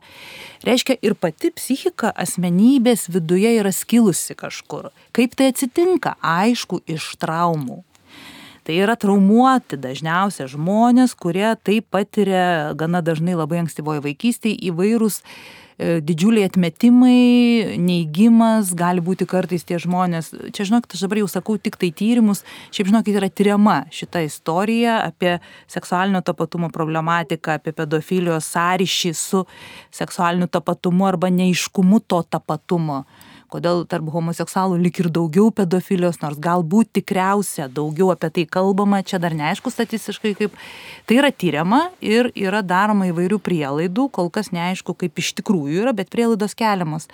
Kad vienas dalykas yra kažkoks ribinis ribų sutrikimas labai ankstyvam amžiui tų žmonių iki trijų metukų, penkių metukų ir ten tiesiog kartais tas žmogus, kai suaugęs, net neatsimena, kas įvyko labai stiprus paliktumai. Kartais įtariama, kad buvo, buvo beveik abortas darytas ir, ir po to vaikas vis tiek išlieka gyvas, gimsta, bet, bet va tokie yra didžiuliai traumavimai, kai žmogus buvo ar tai labai stipriai nelaukiamas, ar tai labai labai sudėtingi buvo tėvai kurie nemokėjo būti tėvais, va dabar čia ir tėtis diena artėja ir va tas, nu, tėčių ir mama būti tikrai labai didžiulis darbas ir sudėtingi dalykai ten. Tai traumuoti tikrai tie žmonės, jie turi tam tikrą skilimo mechanizmą psichikoje, kuris irgi reiškiasi per seksualinį kažkokį tai išraiškos būdą. Dabar kodėl apie vaikus aš paminėjau kaip apie tuos, kurie yra šiuo metu, kai jie dar vaikai, jie negali apsiginti ir jie yra tokie labai pažeidžiami, aš daugiau minėjau dėl to, kad tai yra tas džiaugsmas matyti tą tokį nuostabų vaiką, kuris šiaip yra e, gamtos stebuklas, apskritai Dievo stebuklas vaikas. Nu kodėl, pažiūrėjau, žiūrime vaiką ir jis miega ir taip gražu, net apsiverkiam iš to džiaugsmo. Dėl to, kad vaikas yra stebuklas. Ir tas stebuklas mus tiesiog masina. Mes kaip suaugę žiūrim į vaiką ir mus pakyla nu, kažkoks pakilėtumas, sakralus toks dieviško e, džiaugsmo jausmas, kaip gražu žiūrėti tą mažą vaiką. Tai šitas dalykas veikia visus. Dabar kodėl tie žmonės neišlaiko ribų ir kodėl tie žmonės nebūtinai tik kunigai, bet ir šeimose suaugę žmonės išnaudoja vaikus seksualiai. Tai grįžtam prie to paties, ką klausytoja minėjo, todėl kad yra sutrikimai, kurie neleidžia tiem žmonėms išlaikyti tam tikrų ribų, bet ne todėl, kad jie yra pavojus patys sutrikimai, todėl kad žmogus pats su savim iki galo galbūt neišbūna su tuo. Ir jūs labai gražiai paminėjot klausytoje, kad jie negauna pagalbos, jie negauna atjautos, jie negauna prieimimo, jie iš karto yra neigiami, jie prakeikiami, atstumiami. Čia lygiai tas pats kaip su kalėjimais yra. Nu, vat, nu, aš kalėjimuose nemažai esu buvusi įvairiuose renginiuose. Nu, tai yra atstumtieji žmonės, kurie yra baisuokliai, gyvenimo gadintojai ir, ir pavojingiausi pasaulio žmonės, bet jie žmonės ir kai kalėjimuose kalbam apie viltį, dauguma iš jų kalba apie Dievą.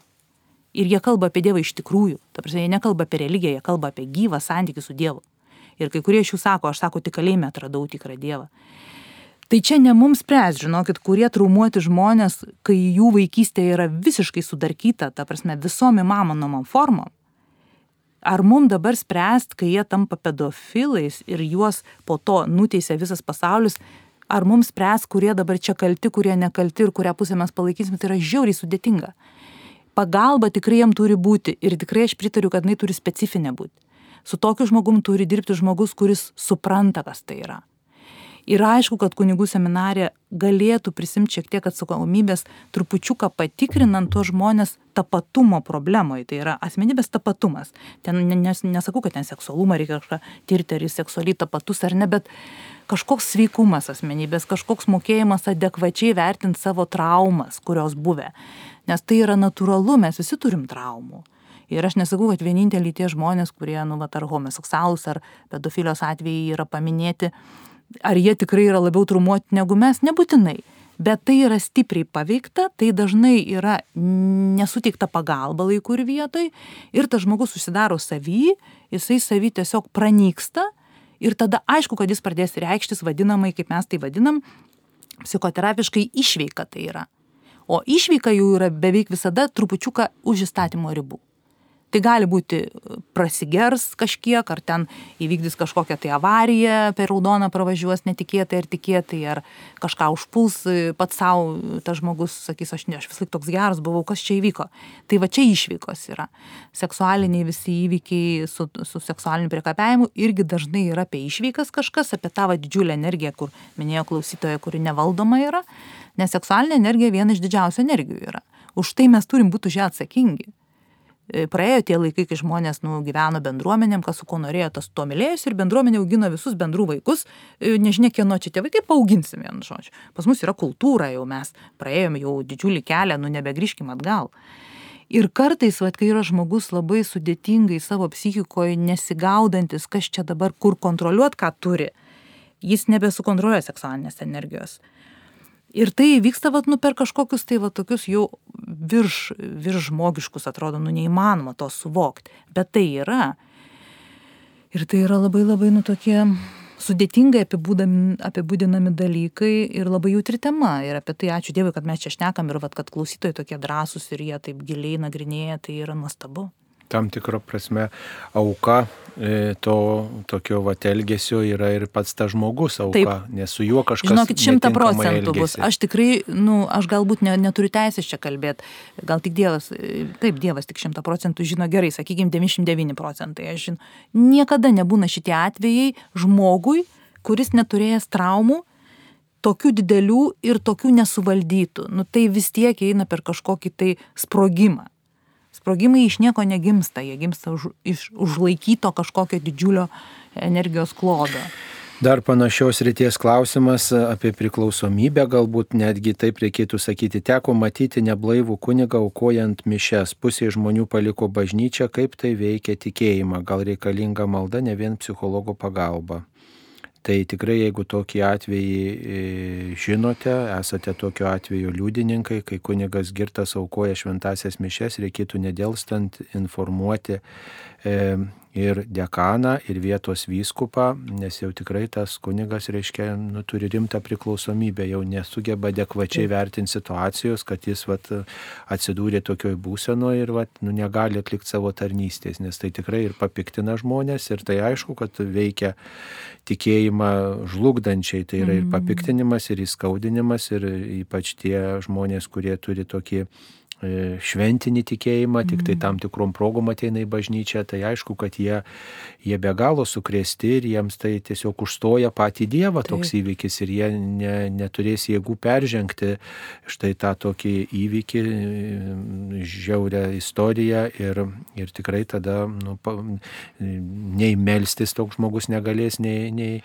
nei kreiptis į Dievą, nei, nei lankyti bažnyčią, nei švesti sakramentų. Ką, Bent jau tai, sukrėtimą patirs tuo metu. Taip, tikrai. ir taip pat ir tie, tie kurie nu, dažnai bažnyčią lanko, tai aišku, kad ir tiem žmonėms kažką judina jų sąmonė, jų mm. santykiai su Dievu, jų, jų pasitikėjimą bažnyčia pakerta. Tai mm, aišku, kad reikia ir psichologų pagalbos tokiam kunigui, reikia jam pirmiausia pripažinti Taip. tiesą, kad jis turi problemą ir aišku, kad ne, turėtų gal ir žmonės tą padėti, padaryti, mm. ne tik tai jo, jo, jo vyresnybė, kad reiškia, ir parapiečiai, štai kunigė mato tokią situaciją, aš jūs palydėsime, mes jūs į kleboniją, tiesiog taikiai palydėti ir paskui paskui kalbėtis e, kunigui įsiblaivius apie šitą situaciją, kad nu, tikrai tai yra problema, reikia jums mhm. padėti, pagalbos, reikia e, eiti į tuos e, centrus, kuriuose va, ta priklausomybės yra gydomos ir tikrai, jeigu pripažinsi, kad yra priklausomybė nuo alkoholio, kad tu jau nesaikingai išgėrė, kad tu išgėręs dar stengiasi atlikti pareigas, kas, kas jau netinkama yra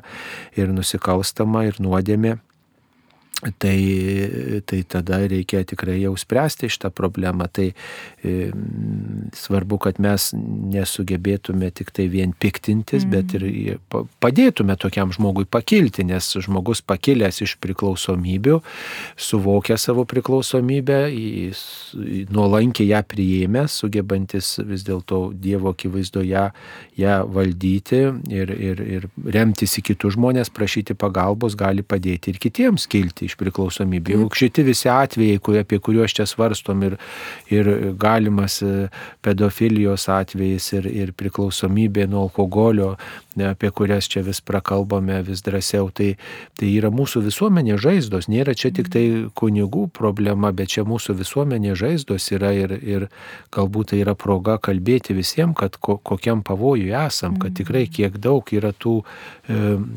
pavojų ir, ir kaip tas alkoholis yra prieinamas ir kaip per jį sprendžia daugelis žmonių savo problemas, dar labiau jas grimsdamas. Taip, ir kiekvienoje specialybėje tą gali rasti. Chirurgas e, girtas operaciją daro, mokytojai ateina išgėrę į pamokas ir paaugliai stebisi, sako, mums neleidžia vartoti, o patys. Ir tokie atvejai čia dabar, kur aš pasakoju, jie egzistuoja, realiai aš čia nefantazuoju. Tai aš visiškai pritariu tiem žmonėm, kurie būna šokiruoti, nes atrodo, čia yra Dievo tarnas. Jisai kelią nutėse mišių metu mums į Dievą ir yra tas, kuris mus veda tarsi šalia. Ir tada galvoju, tai kaip čia dabar yra, jeigu Dievo tarnas pats savęs negali valdyti, tai kaip tada aš, kaip, kaip tikintysis, toks, nu, gali toks pasimetimas būti. Bet aš vis tiek visada norėčiau to žmonės pakviesti, kad, žinokit, Dievas yra bet kokioj vietoj, bet kokiu būdu yra mums prieinamas visada negali aplinka ir žmogus kažkoks užstoti Dievo buvimo man asmeniškai, nes Dievas mane visada kviečia šalia. Tai labai svarbu tą savo priminti. Pamačiau kažkokį e, nuodėmėje esantį kunigą, vietoj to, kad paskeščiau tam tokiam siaube arba kaltinime, arba pasimetime, tai kas dabar mane pas Dievą niekas nebėra kas vestų, vis tiek turiu pasilikti ties tuo, kad Dievas dabar yra, aš galiu dabar va jį kažkaip malda pasiekti, kažką kad neprarast tikėjimo vilties.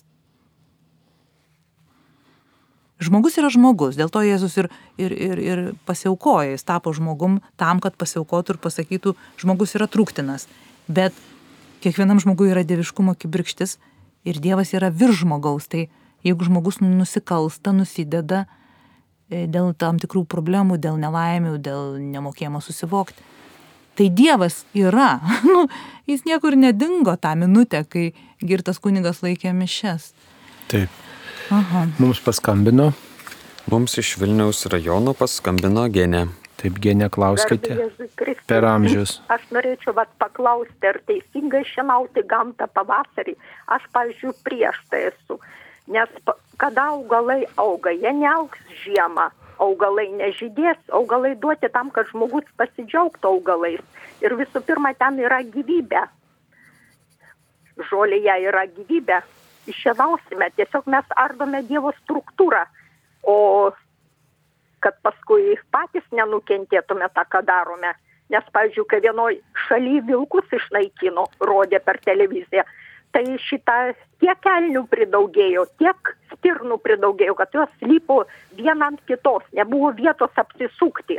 Ir paskui turėjo tos vilkus gabenti iš kitos šalies tai vat mes taip kaip šienaudami žolę augalus kad neprisišauktume dievo rūstybės. Nes visa tai reikalinga, kad Dievas Taip, yra sukūręs, visa tai reikalinga. Viskas yra reikalinga, tačiau ir, ir kūrinyje tarnauti ir žmogų, jeigu reikia šieno karvėms, tai kaip tada nešienauti. Tai vienas dalykas, antras dalykas, aukštoji žolė irgi veisėsi erkės, ta Dievo kūrinyje, kuri gali kenkti žmogui o be to auga invaziniai augalai, kaip tenka matyti, reiškia, nešienaujamuose vietovėse. Auga tie augalai, kurie kenkia va, šitie mūsų kraštuose augantiems augala, augalams, atvykę iš at, atskraidinti, kaip čia pasakyti, kažkokiu būdu atsiradę mūsų krašte ir, ir jie vis pasitaiko tokių invazinių augalų, kurie vat, plečia savo kolonijas, tai kartai šienavimas išsprendžia šitą, kad mes taip kaip prižiūrim gamtą, Tai jeigu nešienausit gamtos, tai tada pievų, pavyzdžiui, nešienausit, jos pavirs krūmynais, krūmai ten pradės aukti ir, ir medžiai. Tai čia, žinot, gamtininkai tegul atsako į šitus klausimus, tačiau viena vertus žmogiška nauda reikalinga tam tikra žemės, ne, kad vis dėlto žemė duota tam, kad duotų vaisių ir, ir ūkininkai, pavyzdžiui, šienauja gamtą, kad e, pieva šienauja, kad turėtų šieno pašaro gyvuliams. Kitas dalykas, kad tai, taip mes prižiūrim tą teritoriją, kurioje gyvenam, nes taip tai užauks krūmais ir, ir, ir visokiais e, medžiais. O be to, kita vertus, aišku, tas dažnas skutimas tų vėjų, toksai ir, ir triukšma kelia miestuose, irgi toks aspektas. Tai va, svarsto tegul gamtininkai. Mums paskambino vėl kažkas. Mums paskambino Aras iš Kauno. Taip, klauskite. Per amžius ar lietuvos vyskupijose yra pastoracija kas link kurie turi polinkius į šituos nukrypimus. Juk yra bažnyčios daug dokumentų parašyta vis dėlto ar yra bendrai vyskupijose daroma kažkas kad keistųsi padėtis. Vis dėlto dabar visos informavimo priemonės tai skatina o bažnyčia kažkaip tai miega dvasininkai jie neturi nuleist rankų čia tą partnerystės įstatymą bruka jūs turit kovot nepasiduot. Tai visi mes esam bažnyčia ir jūs esat bažnyčios dalis, ne tik tai dvasininkai, bet ir pasauliečiai, kiekvienas pakrikštytas jis yra bažnyčios dalis. O apie kokią pastoraciją jūs turite galvoje? Nepasi, nepasakė žmogus, kokią pastoraciją turi galvoje, bet uh, Aišku, kad kiekvienas žmogus, e, yra, kuris yra pakrikštytas, kuris yra bažnyčios narys, jisai kviečiamas būti bažnyčios nariu aktyviu, reiškia švesti sakramentus, tai eiti iš pažinties ir aptarti savo dvasinį gyvenimą, savo nuodėmių kelią su nuodėmklausiu. Tai e, to, ta prasme yra vykdoma kiekvieno žmogaus pastoracija. Nesvarbu, kokią aš mhm. jaučiu, jausčiau potraukį, aš esu kviečiamas į skaistumą. Čia yra bendra taisyklė turbūt. Ar, ar žmogus jaučia potraukį vyrui, ar vyras vyrui, ar, ar moteriai, mes einam ir laikomės visi per gyvenimą Dievo įsakymų. Ir jeigu aš matau pagal bažnyčios mokymą, kad tai yra nuodėmė, aš tai išpažįstu. Ir aš, mhm. jeigu jaučiu, kad tai jau ima viršų mano gyvenime, tai tada jau matau, kad tai priklausomybė vystosi vienoje kitoje srityje, vienas įprotis tampa tokiu jau nevaldomu, tai tada turiu ieškoti pagalbos ir ta pagalba yra teikiama yra įvairios bendruomenės, net ir bažnyčia kai kurias bendruomenės globoja ir paskatina, kaip pavyzdžiui, e, žmonių, kurie turi, nori pakilti iš tos, e, reiškia, iš to santykio, netinkamo santykio su tos pačios lyties asmeniu yra bendruomenė kelias, berots vadinasi, kelionė ir, ir, ir, ir, ir panašių, kurios tikrai tos bendruomenės tokią pagalbą jos teikia. Ten žmonės renkasi, kurie svarsto apie savo tapatybę, mm. Kurie išgyvena tam tikrus tos tapatybės sutrikimus ir tai ir nėra taip, kad nieko nedaro, o tikrai bažnyčia visada siūlo dvasinę pagalbą e, per dvasinį palydėjimą. Yra ir rekolekcijos įvairios rengiamos žmonėms e, ir, ir yra taip pat ir bendruomenė, kurioje žmonės e, turi priklausomybės problemą, Tai priklausomybė, pavyzdžiui, yra panašus mechanizmas, turbūt bet kokia ta priklausomybė, mm. kada žmogus negali valdyti savo elgesio, kada žmogus atitolsta nuo Dievo, kai žmogus nesugeba atlikti savo pareigų arba jas aplaidžiai atlieka vienam kitam etape yra ir daugybė dalykų yra. Tai, žodžiu, bažnyčia nėra taip, kad visai nuo šaly ir nieko nedaro. Tai e, kalbame apie tai ir ta pagalba pagalba visada gali būti didesnė, bet nėra taip, kad tą turėtų daryti kunigai ir ten viskupai, bet tai yra visi bažnyčios nariai ir tie specialistai, kurie yra pakrikštyti ir kurie e, yra bažnyčios nariai, tai jie irgi pasiūlo tą pagalbą. Yra psichologai, kurie konsultuoja, pavyzdžiui, e, žmonės turinčius e, vienokių ir kitokių tapatybės sutrikimų. Ne? Ir, ir žinau tokių atvejų, kai, kai į tuos psichologus kreipiasi žmonės turintys tam tikrų sutrikimų vienoje ir kitoje srityje. Kai, kai štai sutrikimai žmogaus kelyje yra, kai svarsto apie savo tapatybę. Ir apskritai visų priklausomybių gydime, jeigu mes kalbėtume apie programas jau ilgalaikės, dalyvauja Dievo kvietimas visi šitie anoniminiai alkoholikų klubai, apskritai lošimo priklausomybių gydimo klubai, visi kalba apie Dievo buvimą. Tai yra Dievas kviečiamas ir dažniausiai yra kviečiami kunigai, ateina kažkas, kurie yra dvasinio kelio dalyviai, vienuoliai kunigai, jie dalyvauja vesdami tuos žmonės. Iš priklausomybės šiaip realiai, jeigu nori išsigydyti, šiaip neišgydoma, iš tikrųjų priklausomybė, jinai pristabdoma. Mes randam jai valdžią savo vidui visada taške kažkuriam turi ateiti Dievas. Nes ten yra per sudėtinga, ten yra per daug kančios, per daug kažkokių tai trūkių buvę psichikoje. Priklausomybė nesiranda iš niekur, jinai atsiranda iš stiprių kančių. Ir ateina Dievas, jis yra pakviečiamas ir tai yra nuostabu. Nei viena programa nevyksta be Dievo kvietimo. Priklausomybės tą poreikį iškeičiam arba pakilėjam iki maldos Dievui ir ten jau yra išsigelbėjimas. Bet čia toks paradoksas būna, kad tas kartai žmogus, kuris eina tikėjimo keliu, pavyzdžiui, kunigas ar vienuolis ar vienuolė, vat, susirga priklausomybė, tai dažnai būna ta priežastis, kad jis nutolo nuo tokio dvasinio gyvenimo, autentiško, tokį, kokį mm. turėtų pats gyventi, kad sutrikęs yra, sakykime. Arba tai vėl rodo, kad jis yra žmogus. Tai yra nu. tiesiog tas artimas santykis, aš tu su Dievu, nu jis apskritai labai sudėtingas. Visada turėti gyvą ryšį su Dievu, tai yra, nu, wow. Čia gal tik tai tie, kurie jau beveik šventieji būna paskelbti dar gyvi būna, būdami, bet šiaip visada tai yra kova. Ar aš Taip. būčiau vienuolė, ar aš pasaulietė, aš vis laik kovoju tarp to, kad mane gundo ir aš galiu kažkur pasly, paslysti vis kažkurioje vietoje. Taip, ir net kitus žmonės lydėdamas, pats žmogus taip, gali taip, tam kelia, kelyje pats paslysti. Visos kančios ir apkrovos. Čia panašiai kaip ir psichologai, kaip sakant, eina pas kitus psichologus, jiems pagalbos reikia, arba taip. kitos ryties specialistas, kuris žino, kaip reikia maitintis, arba prižiūrėti mm. savo sveikatą, kaip tik taip pats, e, kitų sveikatą, kaip tik pats toj srity mm. pradeda turėti problemų. Nu, tiesiog taip nutinka, kad nu, ir mums visiems reikia pagalbos, net ir to toj srity, kurioje atrodo mes viską, viską žinom. Mhm. Mums paskambino. Mums iš Kauno paskambino Anelė. Taip, Anelė, klauskite, jūs eteryje. Aš noriu sužinoti, koks turi būti teisingas, atitinkantis šventą Dievo valią santykis tarp gydytojo ir sergančio mirtina lyga ligonio. Tarp gydytojo ir ligonio sergančio mirtina lyga. Na va. Mhm. Na tai ką galima pasakyti. Pagarbus santykis turėtų būti. Tiesa, turbūt gydytojas vienai par kitaip ligoniui turi pasakyti.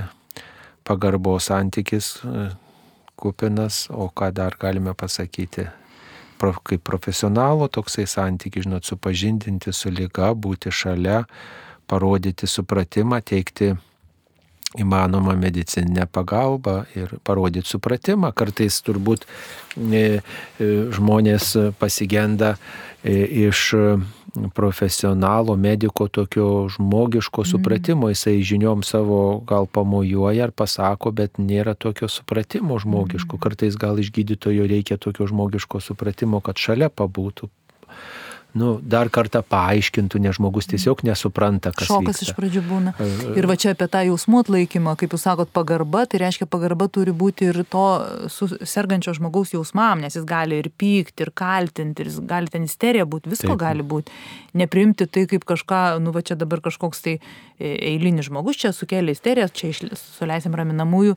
Va tas gydytojo, nu, Hipokrato priesaikos davimas, aš visada turiu padėti tai yra jau ir psichologo motyvas gydytojo asmenį. Tai nepagydoma lyga ypatingai išprovokuoja tą skausmą, kuris gali reikštis labai stipriais emocijų proveržiais. Ir va čia jau gydytoja turi būti mokėjimas būti su tuo, o jeigu jis jaučia, kad negali, nes yra gydytojai, kurie, nu, jie sako, aš tik gydytojas, aš taip negaliu, privalomuoju būdu turi pasiūlyti psichologinę pagalbą. Ir dažniausia nepagydomų lygų centruose yra psichologai. Tai va tas yra labai gražu, kad egzistuoja gal net ir valstybės mastu jau ten psichologas dirbantis, kuris supranta, kas čia yra ir žino, kas yra onkologiniai ligoniai ir jis su tuo susiduria kasdien, bet ne visuose e, skyriuose. Tai va čia yra toks, nu, jeigu nepasiūlo gydytojas, pats nemoka atlaikyti ligonio emocijų, ligonis artimųjų neturi priimančių, nu tada vis tiek eina kažkokio psichologinio pagalbo po, poreikis ir aišku, dvasinis ligmuo. Šiaip žinokit, su psichologija yra taip, aš vienoje vietoje, kai praradau tikėjimą iki galo psichoterapiją, aš tada nuėjau į dvasingumą, tada nuėjau sielovadas kursų mokytis ir supratau, kad vienintelė vieta, kur man psichologija nepatvirtina visko, ko aš noriu, man per siaura, tai yra mirties baimė ir nepagydomos lygos. Ir aš galvoju, nu man per mažai čia psichologijos, aš tiesiog negaliu ją pasiremti, kad aš nurimčiau. Ir aš galvoju, einu tada aš Dievo keliu, pasižiūrėsiu čia ir aš čia radau. Tai vad, ten, kur yra nepagydoma lyga, mirties baimė automatiškai bus, taip turi būti. Nu reikia kviestis Dievą.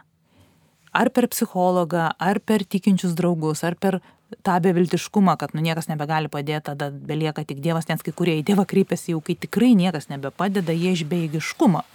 Bet tada dažniausiai ir ateina tas nu, visiškas e, atsivertimas. Tada būna, wow, sako, jeigu nevėžys, aš nebūčiau įtikėjus.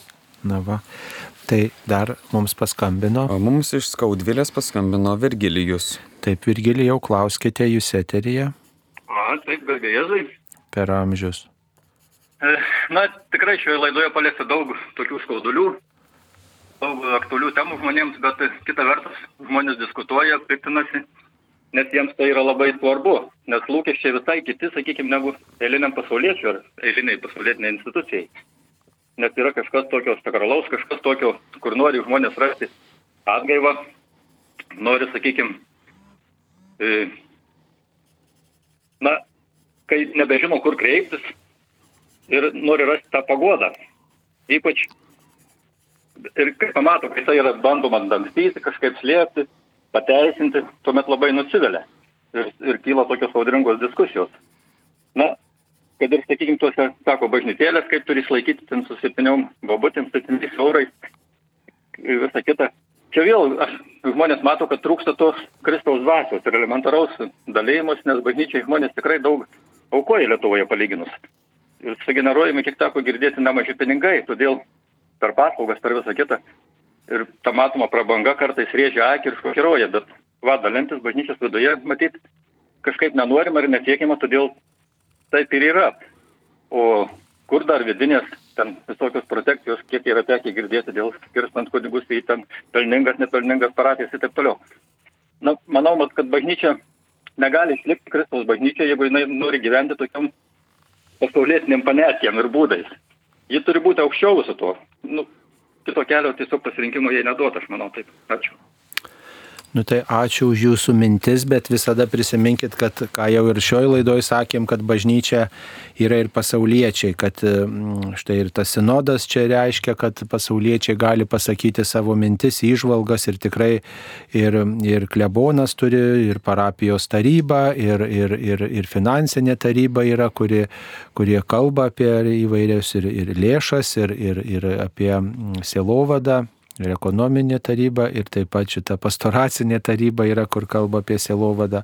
Ir kunigai, ir viskupai pasauliečių atsiklausia, su jais bendradarbiauja, tai Tai tikrai svarbu, kad aktyvų žmonės būtų bažnyčioje ir, ir tikrai jaustųsi bažnyčios nariais ir, ir matytų tuos išbandymus, kurie yra ir nenusiviltų, nenusiviltų vis dėlto bažnyčia kaip Dievo palikta bendruomenė. Žinot, visais laikais buvo bažnyčioje tam tikrų išbandymų dėl žmogiško silpnumo. Ir tikrai, jeigu tik būtų pastatyta bažnyčia ant tų žmogiško pamato, jis senai būtų sugriuvus, bet e, tikrai daugybę kartų bažnyčiai pakenkė ir kunigai, ir vienuoliai, ir, ir pasauliečiai, bet vis tiek bažnyčia išliko, nes Dievas ją palaiko. Tai čia yra daug vilties ir, ir mums tikrai reikėtų labiau stengtis tą Kristaus dvasę visiems atspindėti. Jeigu jūs matot kažkur kažkokias protekcijas, matot kažkokį neteisingumą, na tai žinot kažkokius faktus, nu tai ateikit ir sakykit, jeigu yra įrodymai, jeigu yra kažkokie kokie, kokie nu, žinios, kurios nepasiekia reikia, e, taip sakant, ar vadovybės bažnyčios, ar, ar, ar klebonų, ar vyskupo, ar, ar dekano, na tai ateikit ir pasakykit, arba parašykit raštu, reiškia, parašykit ir, ir, ir kad būtų aišku, apie ką kalba eina, o ne tai, kad vat, žinom, yra viską, bet kažkur kažkas kažką žino apie kažkokius faktus, bet, bet žinot, nežinot gal ir kitos informacijos, kuri, kuri yra ir kuri gal yra realesnė, o paskui ta realesnė informacija apauga kažkokiais gandais ar panašiai. Aišku, kad lūkesčiai yra ir jie teisėti tie lūkesčiai mm, ir, ir bažnyčios kunigams ir ir viskupams, ir, ir kad reikia tos Kristaus dvasios, tai tikrai uh, akivaizdu, bet, bet visi prie to prisidėkim, svarbu dėl to ir melstis, ir vieniems už kitus, ir palaikyti, ir e, žiūrėti, o ką mes kiekvienas galim padaryti, kad ta bažnyčia būtų kitokia, kad kunigas, kuris suklupo, kad jis galėtų vis dėlto nu, nebūti nustumtas, nebūti tik tai nurašytas, bet kad įvardintume priežastis, problemą, pasiaiškintume, paaiškintume, padėtume tiems, kurie nukentėjo, bet kartu ir stengtumės, kad tokių atvejų nebūtų, kad ir tam suklupusiam žmogui kažkaip jį, jis yra mūsų, mūsų visų brolis Kristuje, ne, ir kad mes to blogą net padariusio žmogaus nenurašytume, tai, bet padėtume vieni kitiems atsitiesti, ne, ir, ir įvardintume ir problemas, ir nelauktume galbūt, kad kiti tą darytų, bet patys kažkaip tame dalyvautume. Ne, ir, matau, kad yra problema, na tai ne tik tai badau pirštais, ko niekas ne, nieko nedaro, bet ką aš padariau, ar aš tikrai meldžiausi už kunigą, ar aš tikrai atsiliepiau, kai buvau kviečiamas, ar tikrai prisidėjau ir panašiai. Čia visų atsakomybė. Ir apie pakilėjimą, žinokit, ir apie tą dvasę, va, ką jūs nekat, aš irgi, aš kai įeinu į bažnyčią, net jeigu tai yra nemišių laikų, tiesiog aš dažnai praeinu pabūt, aš visada pasikeliu sieloj, kad eičiau į bažnyčią ne šiaip savo. Ir čia yra apie tai, kad aš tikinti, aš tą suvokiu ir žinau, ir aš save pakeliu ir einu jau su Dievu į tą bažnyčią. Tai man tikrai nebereikia žiūrėti, ar čia visi e, teisingai meldžiasi, ar čia visi atsiklaupia, kai reikia, ar čia kunigas e, per tyliai išneka, gal tada aš negirdžiu, nes aš jau atėjau visa sieloje pasiruošus sutikti Dievą ir aš jau per slengsti žengdama žinau, kad aš esu šventoji dvasioj. Tai va čia ir mano kaip tikinčiosios yra indėlis. Ir aš galvoju, aš tik taip ir įsivaizduoju tikėjimą. Ir ta bažnyčia tada, jeigu mūsų tokių daug įeina va tuo metu, kad ir, nu, ne visi vienu metu, bet jie tą bažnyčią ir užpildo šitą šventąją dvasę.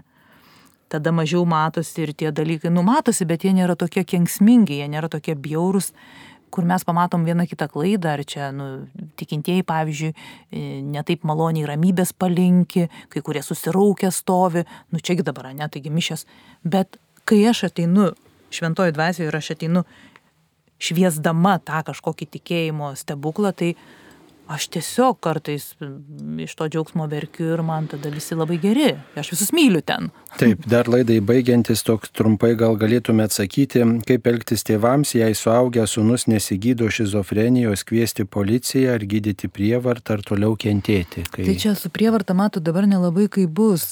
Galima kviesti psichinę brigadą su policija tada, kai yra pavojus arba pačiam žmogui agresyviai prieš save elgesi, arba yra pavojus agresyviai elgtis prieš kitus. Ir čia yra labai slidus dalykas. Yra šizofrenija, jeigu jinai negydoma, jinai labai pavojinga ir skilimas baisus asmenybės ir gali įvykti tikrai nelaimių. Tai kažkaip reiktų tą žmogų kažkokiu būdu pas e, psichiatrus vis tiek atvesti. Ar tai būtų jau truputį ir manipulacijos forma kažkokia, kažkaip mandagiai, gražiai jis negali likti negydomas, nes tikrai gali atsitikti nelaimių. Tai Taip. čia kažkokiu būdu reikėtų. Reikėtų ieškoti pagalbos ir tiesiog bandyti prikalbinti, įkreiptis į specialistus. O kartais gal iš tikrųjų kviesti brigadą čia ir dabar, kai priepolis prasideda ir tada automatiškai jau bus pamatyta, kad jam blogai tam Taip. žmogui. Dar viena žinutė tokia, daug metų po, du metai po brangaus žmogaus netekties su tuoktinio kartu gyvenom 35 metus, lankaus pas psichiatrą, žinau, kad reikia melstis, bet vidus sukaustytas, bendrauju, melžiuosi, bet vidus tarsi miręs, nieko negaliu padaryti, fizinis kūnas atlieka pareigą, sunku atsitiesti, sunku prašyti mhm. jauseną. Nu čia gedėjimas užstrigęs, jeigu du metai dar kaip ir sakoma, kad įmanoma, išbūt dar tokiam sunkiam jausme, bet šiaip jau gerai būtų, kad numažėtų tas skausmas ir žmogus jau pradėtų po truputį įsitraukinėti gyvenimą. Yra skirybų neskirybų, bet tų netekčių tokios grupės, na, vat, netekus kažkokio artimo žmogaus su labai labai didžiuliu santykiu stipriu prieš tai. Tai va apie netekti, gal kokią grupę pabandyti užsirašyti, nes netektis yra labai sudėtingas e, procesas. Taip, ieškoti tokių žmonių, kurie panašus palaikymo komanda. Čia gal ir didesniuose miestuose yra tokios, Vilnių tai tikrai yra, bet gal ir Kaune yra tokių grupių, tai va ieškokim pagalbos savo. Mėly Marijos radio klausytojai, girdėjote laidą Klaus drąsiai. Šioje laidoje dalyvavo psichologija ir sielovadininkė Rosita Pipirienė. Ačiū, kad atvykote. Ačiū, kad pakvietėte. Ir prie, prie mikrofono buvau aš, kunigas Saulis Bužauskas. Būkite palaiminti, viešpats te saugo jūs visus gyvenimo kelionį. Ačiū sudė.